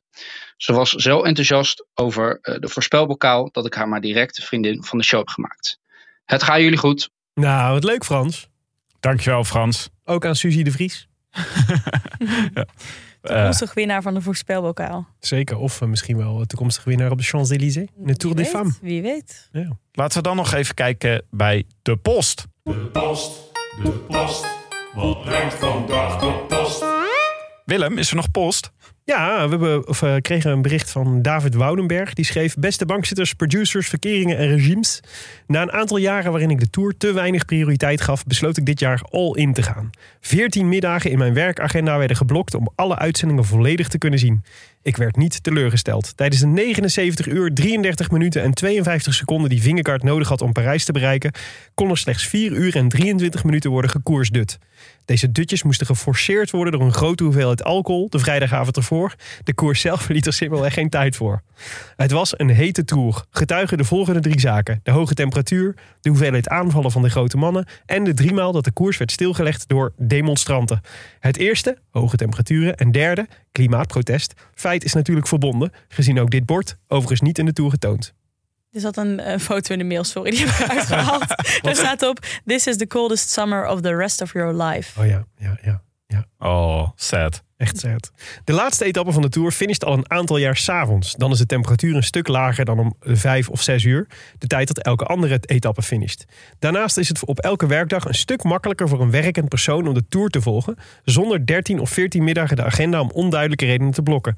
Kunnen jullie hiervoor een lobby starten bij de ASO? Nou, dat is wel een goed punt hoor. Ik vind dat echt zo ingewikkeld. Elke keer dat de finish precies is. Iedereen met kleine kinderen weet... om half zes begint spitsuur. Ja. En dan ben je alleen maar aan het rennen... totdat je om acht uur volledig afgedraaid op de bank belandt. Mhm. En dan finishen ze. Ja. Ja. Dat is echt wel eh, lastig. Ja, stap 1 is gewoon een wielerpodcast beginnen. Dan heb je in ieder geval altijd een excuus. Dan kan je zeggen, ik werk. Ik werk, ik ben aan het werken. Ja. Ja, dat is waar. Ja, ik voel Nee, er ook wel wat voor. Maar er zitten wel vast wel wat praktische consequenties aan over dan met alle verplaatsingen en, en de renners moeten eten en dat soort dingen. ja. Ja, en buren natuurlijk. Dat is ook ingewikkeld. Buren. Oh ja, natuurlijk. Ja. Ja. Wanneer je dat moet uitzenden. ja, dat kun je dan ervoor doen.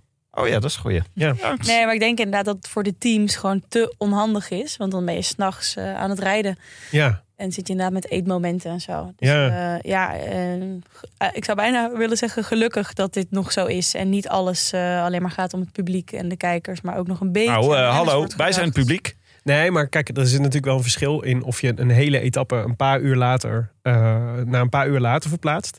Of dat je probeert om het spitsuur in eh, het gezinsleven te vermijden. Ja, Eh, het zou al natuurlijk in dat opzicht al vrij veel uitmaken als een koers finish tussen 4 en 5 in plaats van tussen 5 en 6. Ja.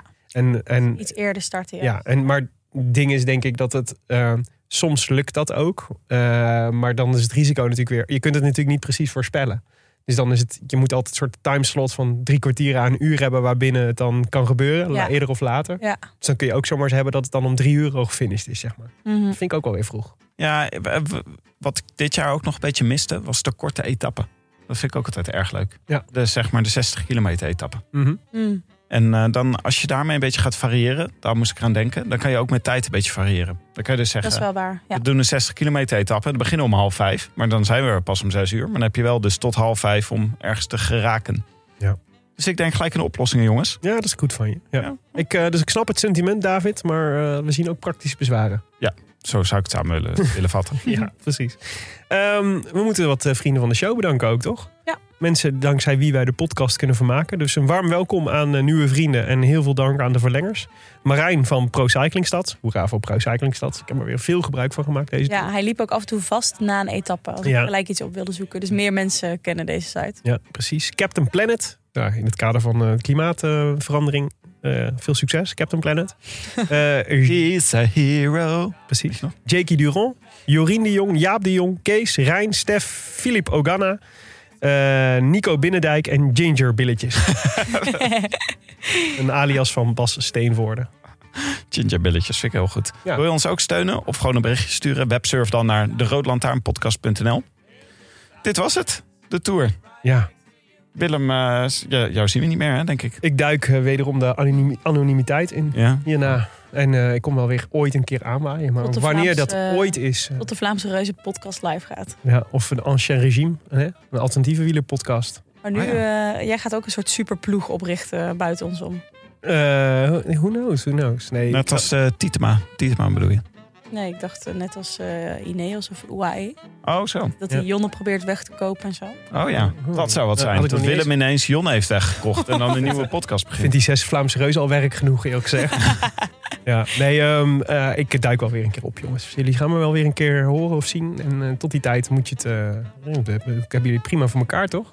Ik vond het heel leuk dat je weer was, Willem. Goed Ik heb genoten. Goed zo. Diepe ook. analyses. Ja. Ik vond het ook Die warme, zachte G. Nou ja, goed. We zien je hopelijk snel weer. Ja. Nog even een shout-out aan onze sponsoren. Dat waren er nogal wat deze, deze tour. Toto. Hey. Maar Yes, dankjewel. Bekend van het HEMA-fonds. doneer mensen. Zakker. Uh, Mensen met pijnlijke gewrichten. Maar ga zo. ja, ja. Canyon. Auto.nl. Volgens mij vergeet ik er nog. Eh, Bij Migo. Oh, je Ja. wil even alles op. Ja, ja, op nee, Amigo en... ehm hadden er nog één, toch? Nou, we hadden er nog één. Wat slecht van ons, jongens. En natuurlijk dank aan onze vrienden van eh, onze heimaat, het is koers.nl. Wij zien jullie allemaal. Hadden we Canyon en Auto.nl nog wel genoemd? Zo, dat gaat heel smooth. Canyon, fiets van de show, hè? Won gisteren gewoon weer op de Champs-Élysées. Ja, werd even in de lucht gestoken Zo. door eh, Philipsen. Ja, hij was heel blij met zijn Canyon, want het was super hard gegaan. Ja, Ja. En die, eh die S-Works ketting van Fabio Jacobsen, die, eh, die liepen gewoon af. Hoor. Precies. Ja, het zou bij maar. Canyon nooit gebeuren. Bij een Canyon nooit gebeuren. We zien elkaar weer in Tivoli. Ja, spannend, jongens. Zijn er nog kaarten? Ja, maar ja, een, een, een handje vol volgens mij. Ergens op de 27e ring Precies. kun je nog zitten. Helemaal bovenin. Ja. Tot dan. A biento, vrienden. Vieze snart. Hier snart. I wish I could be in the south of France. In the south of France. Sitting right next to you.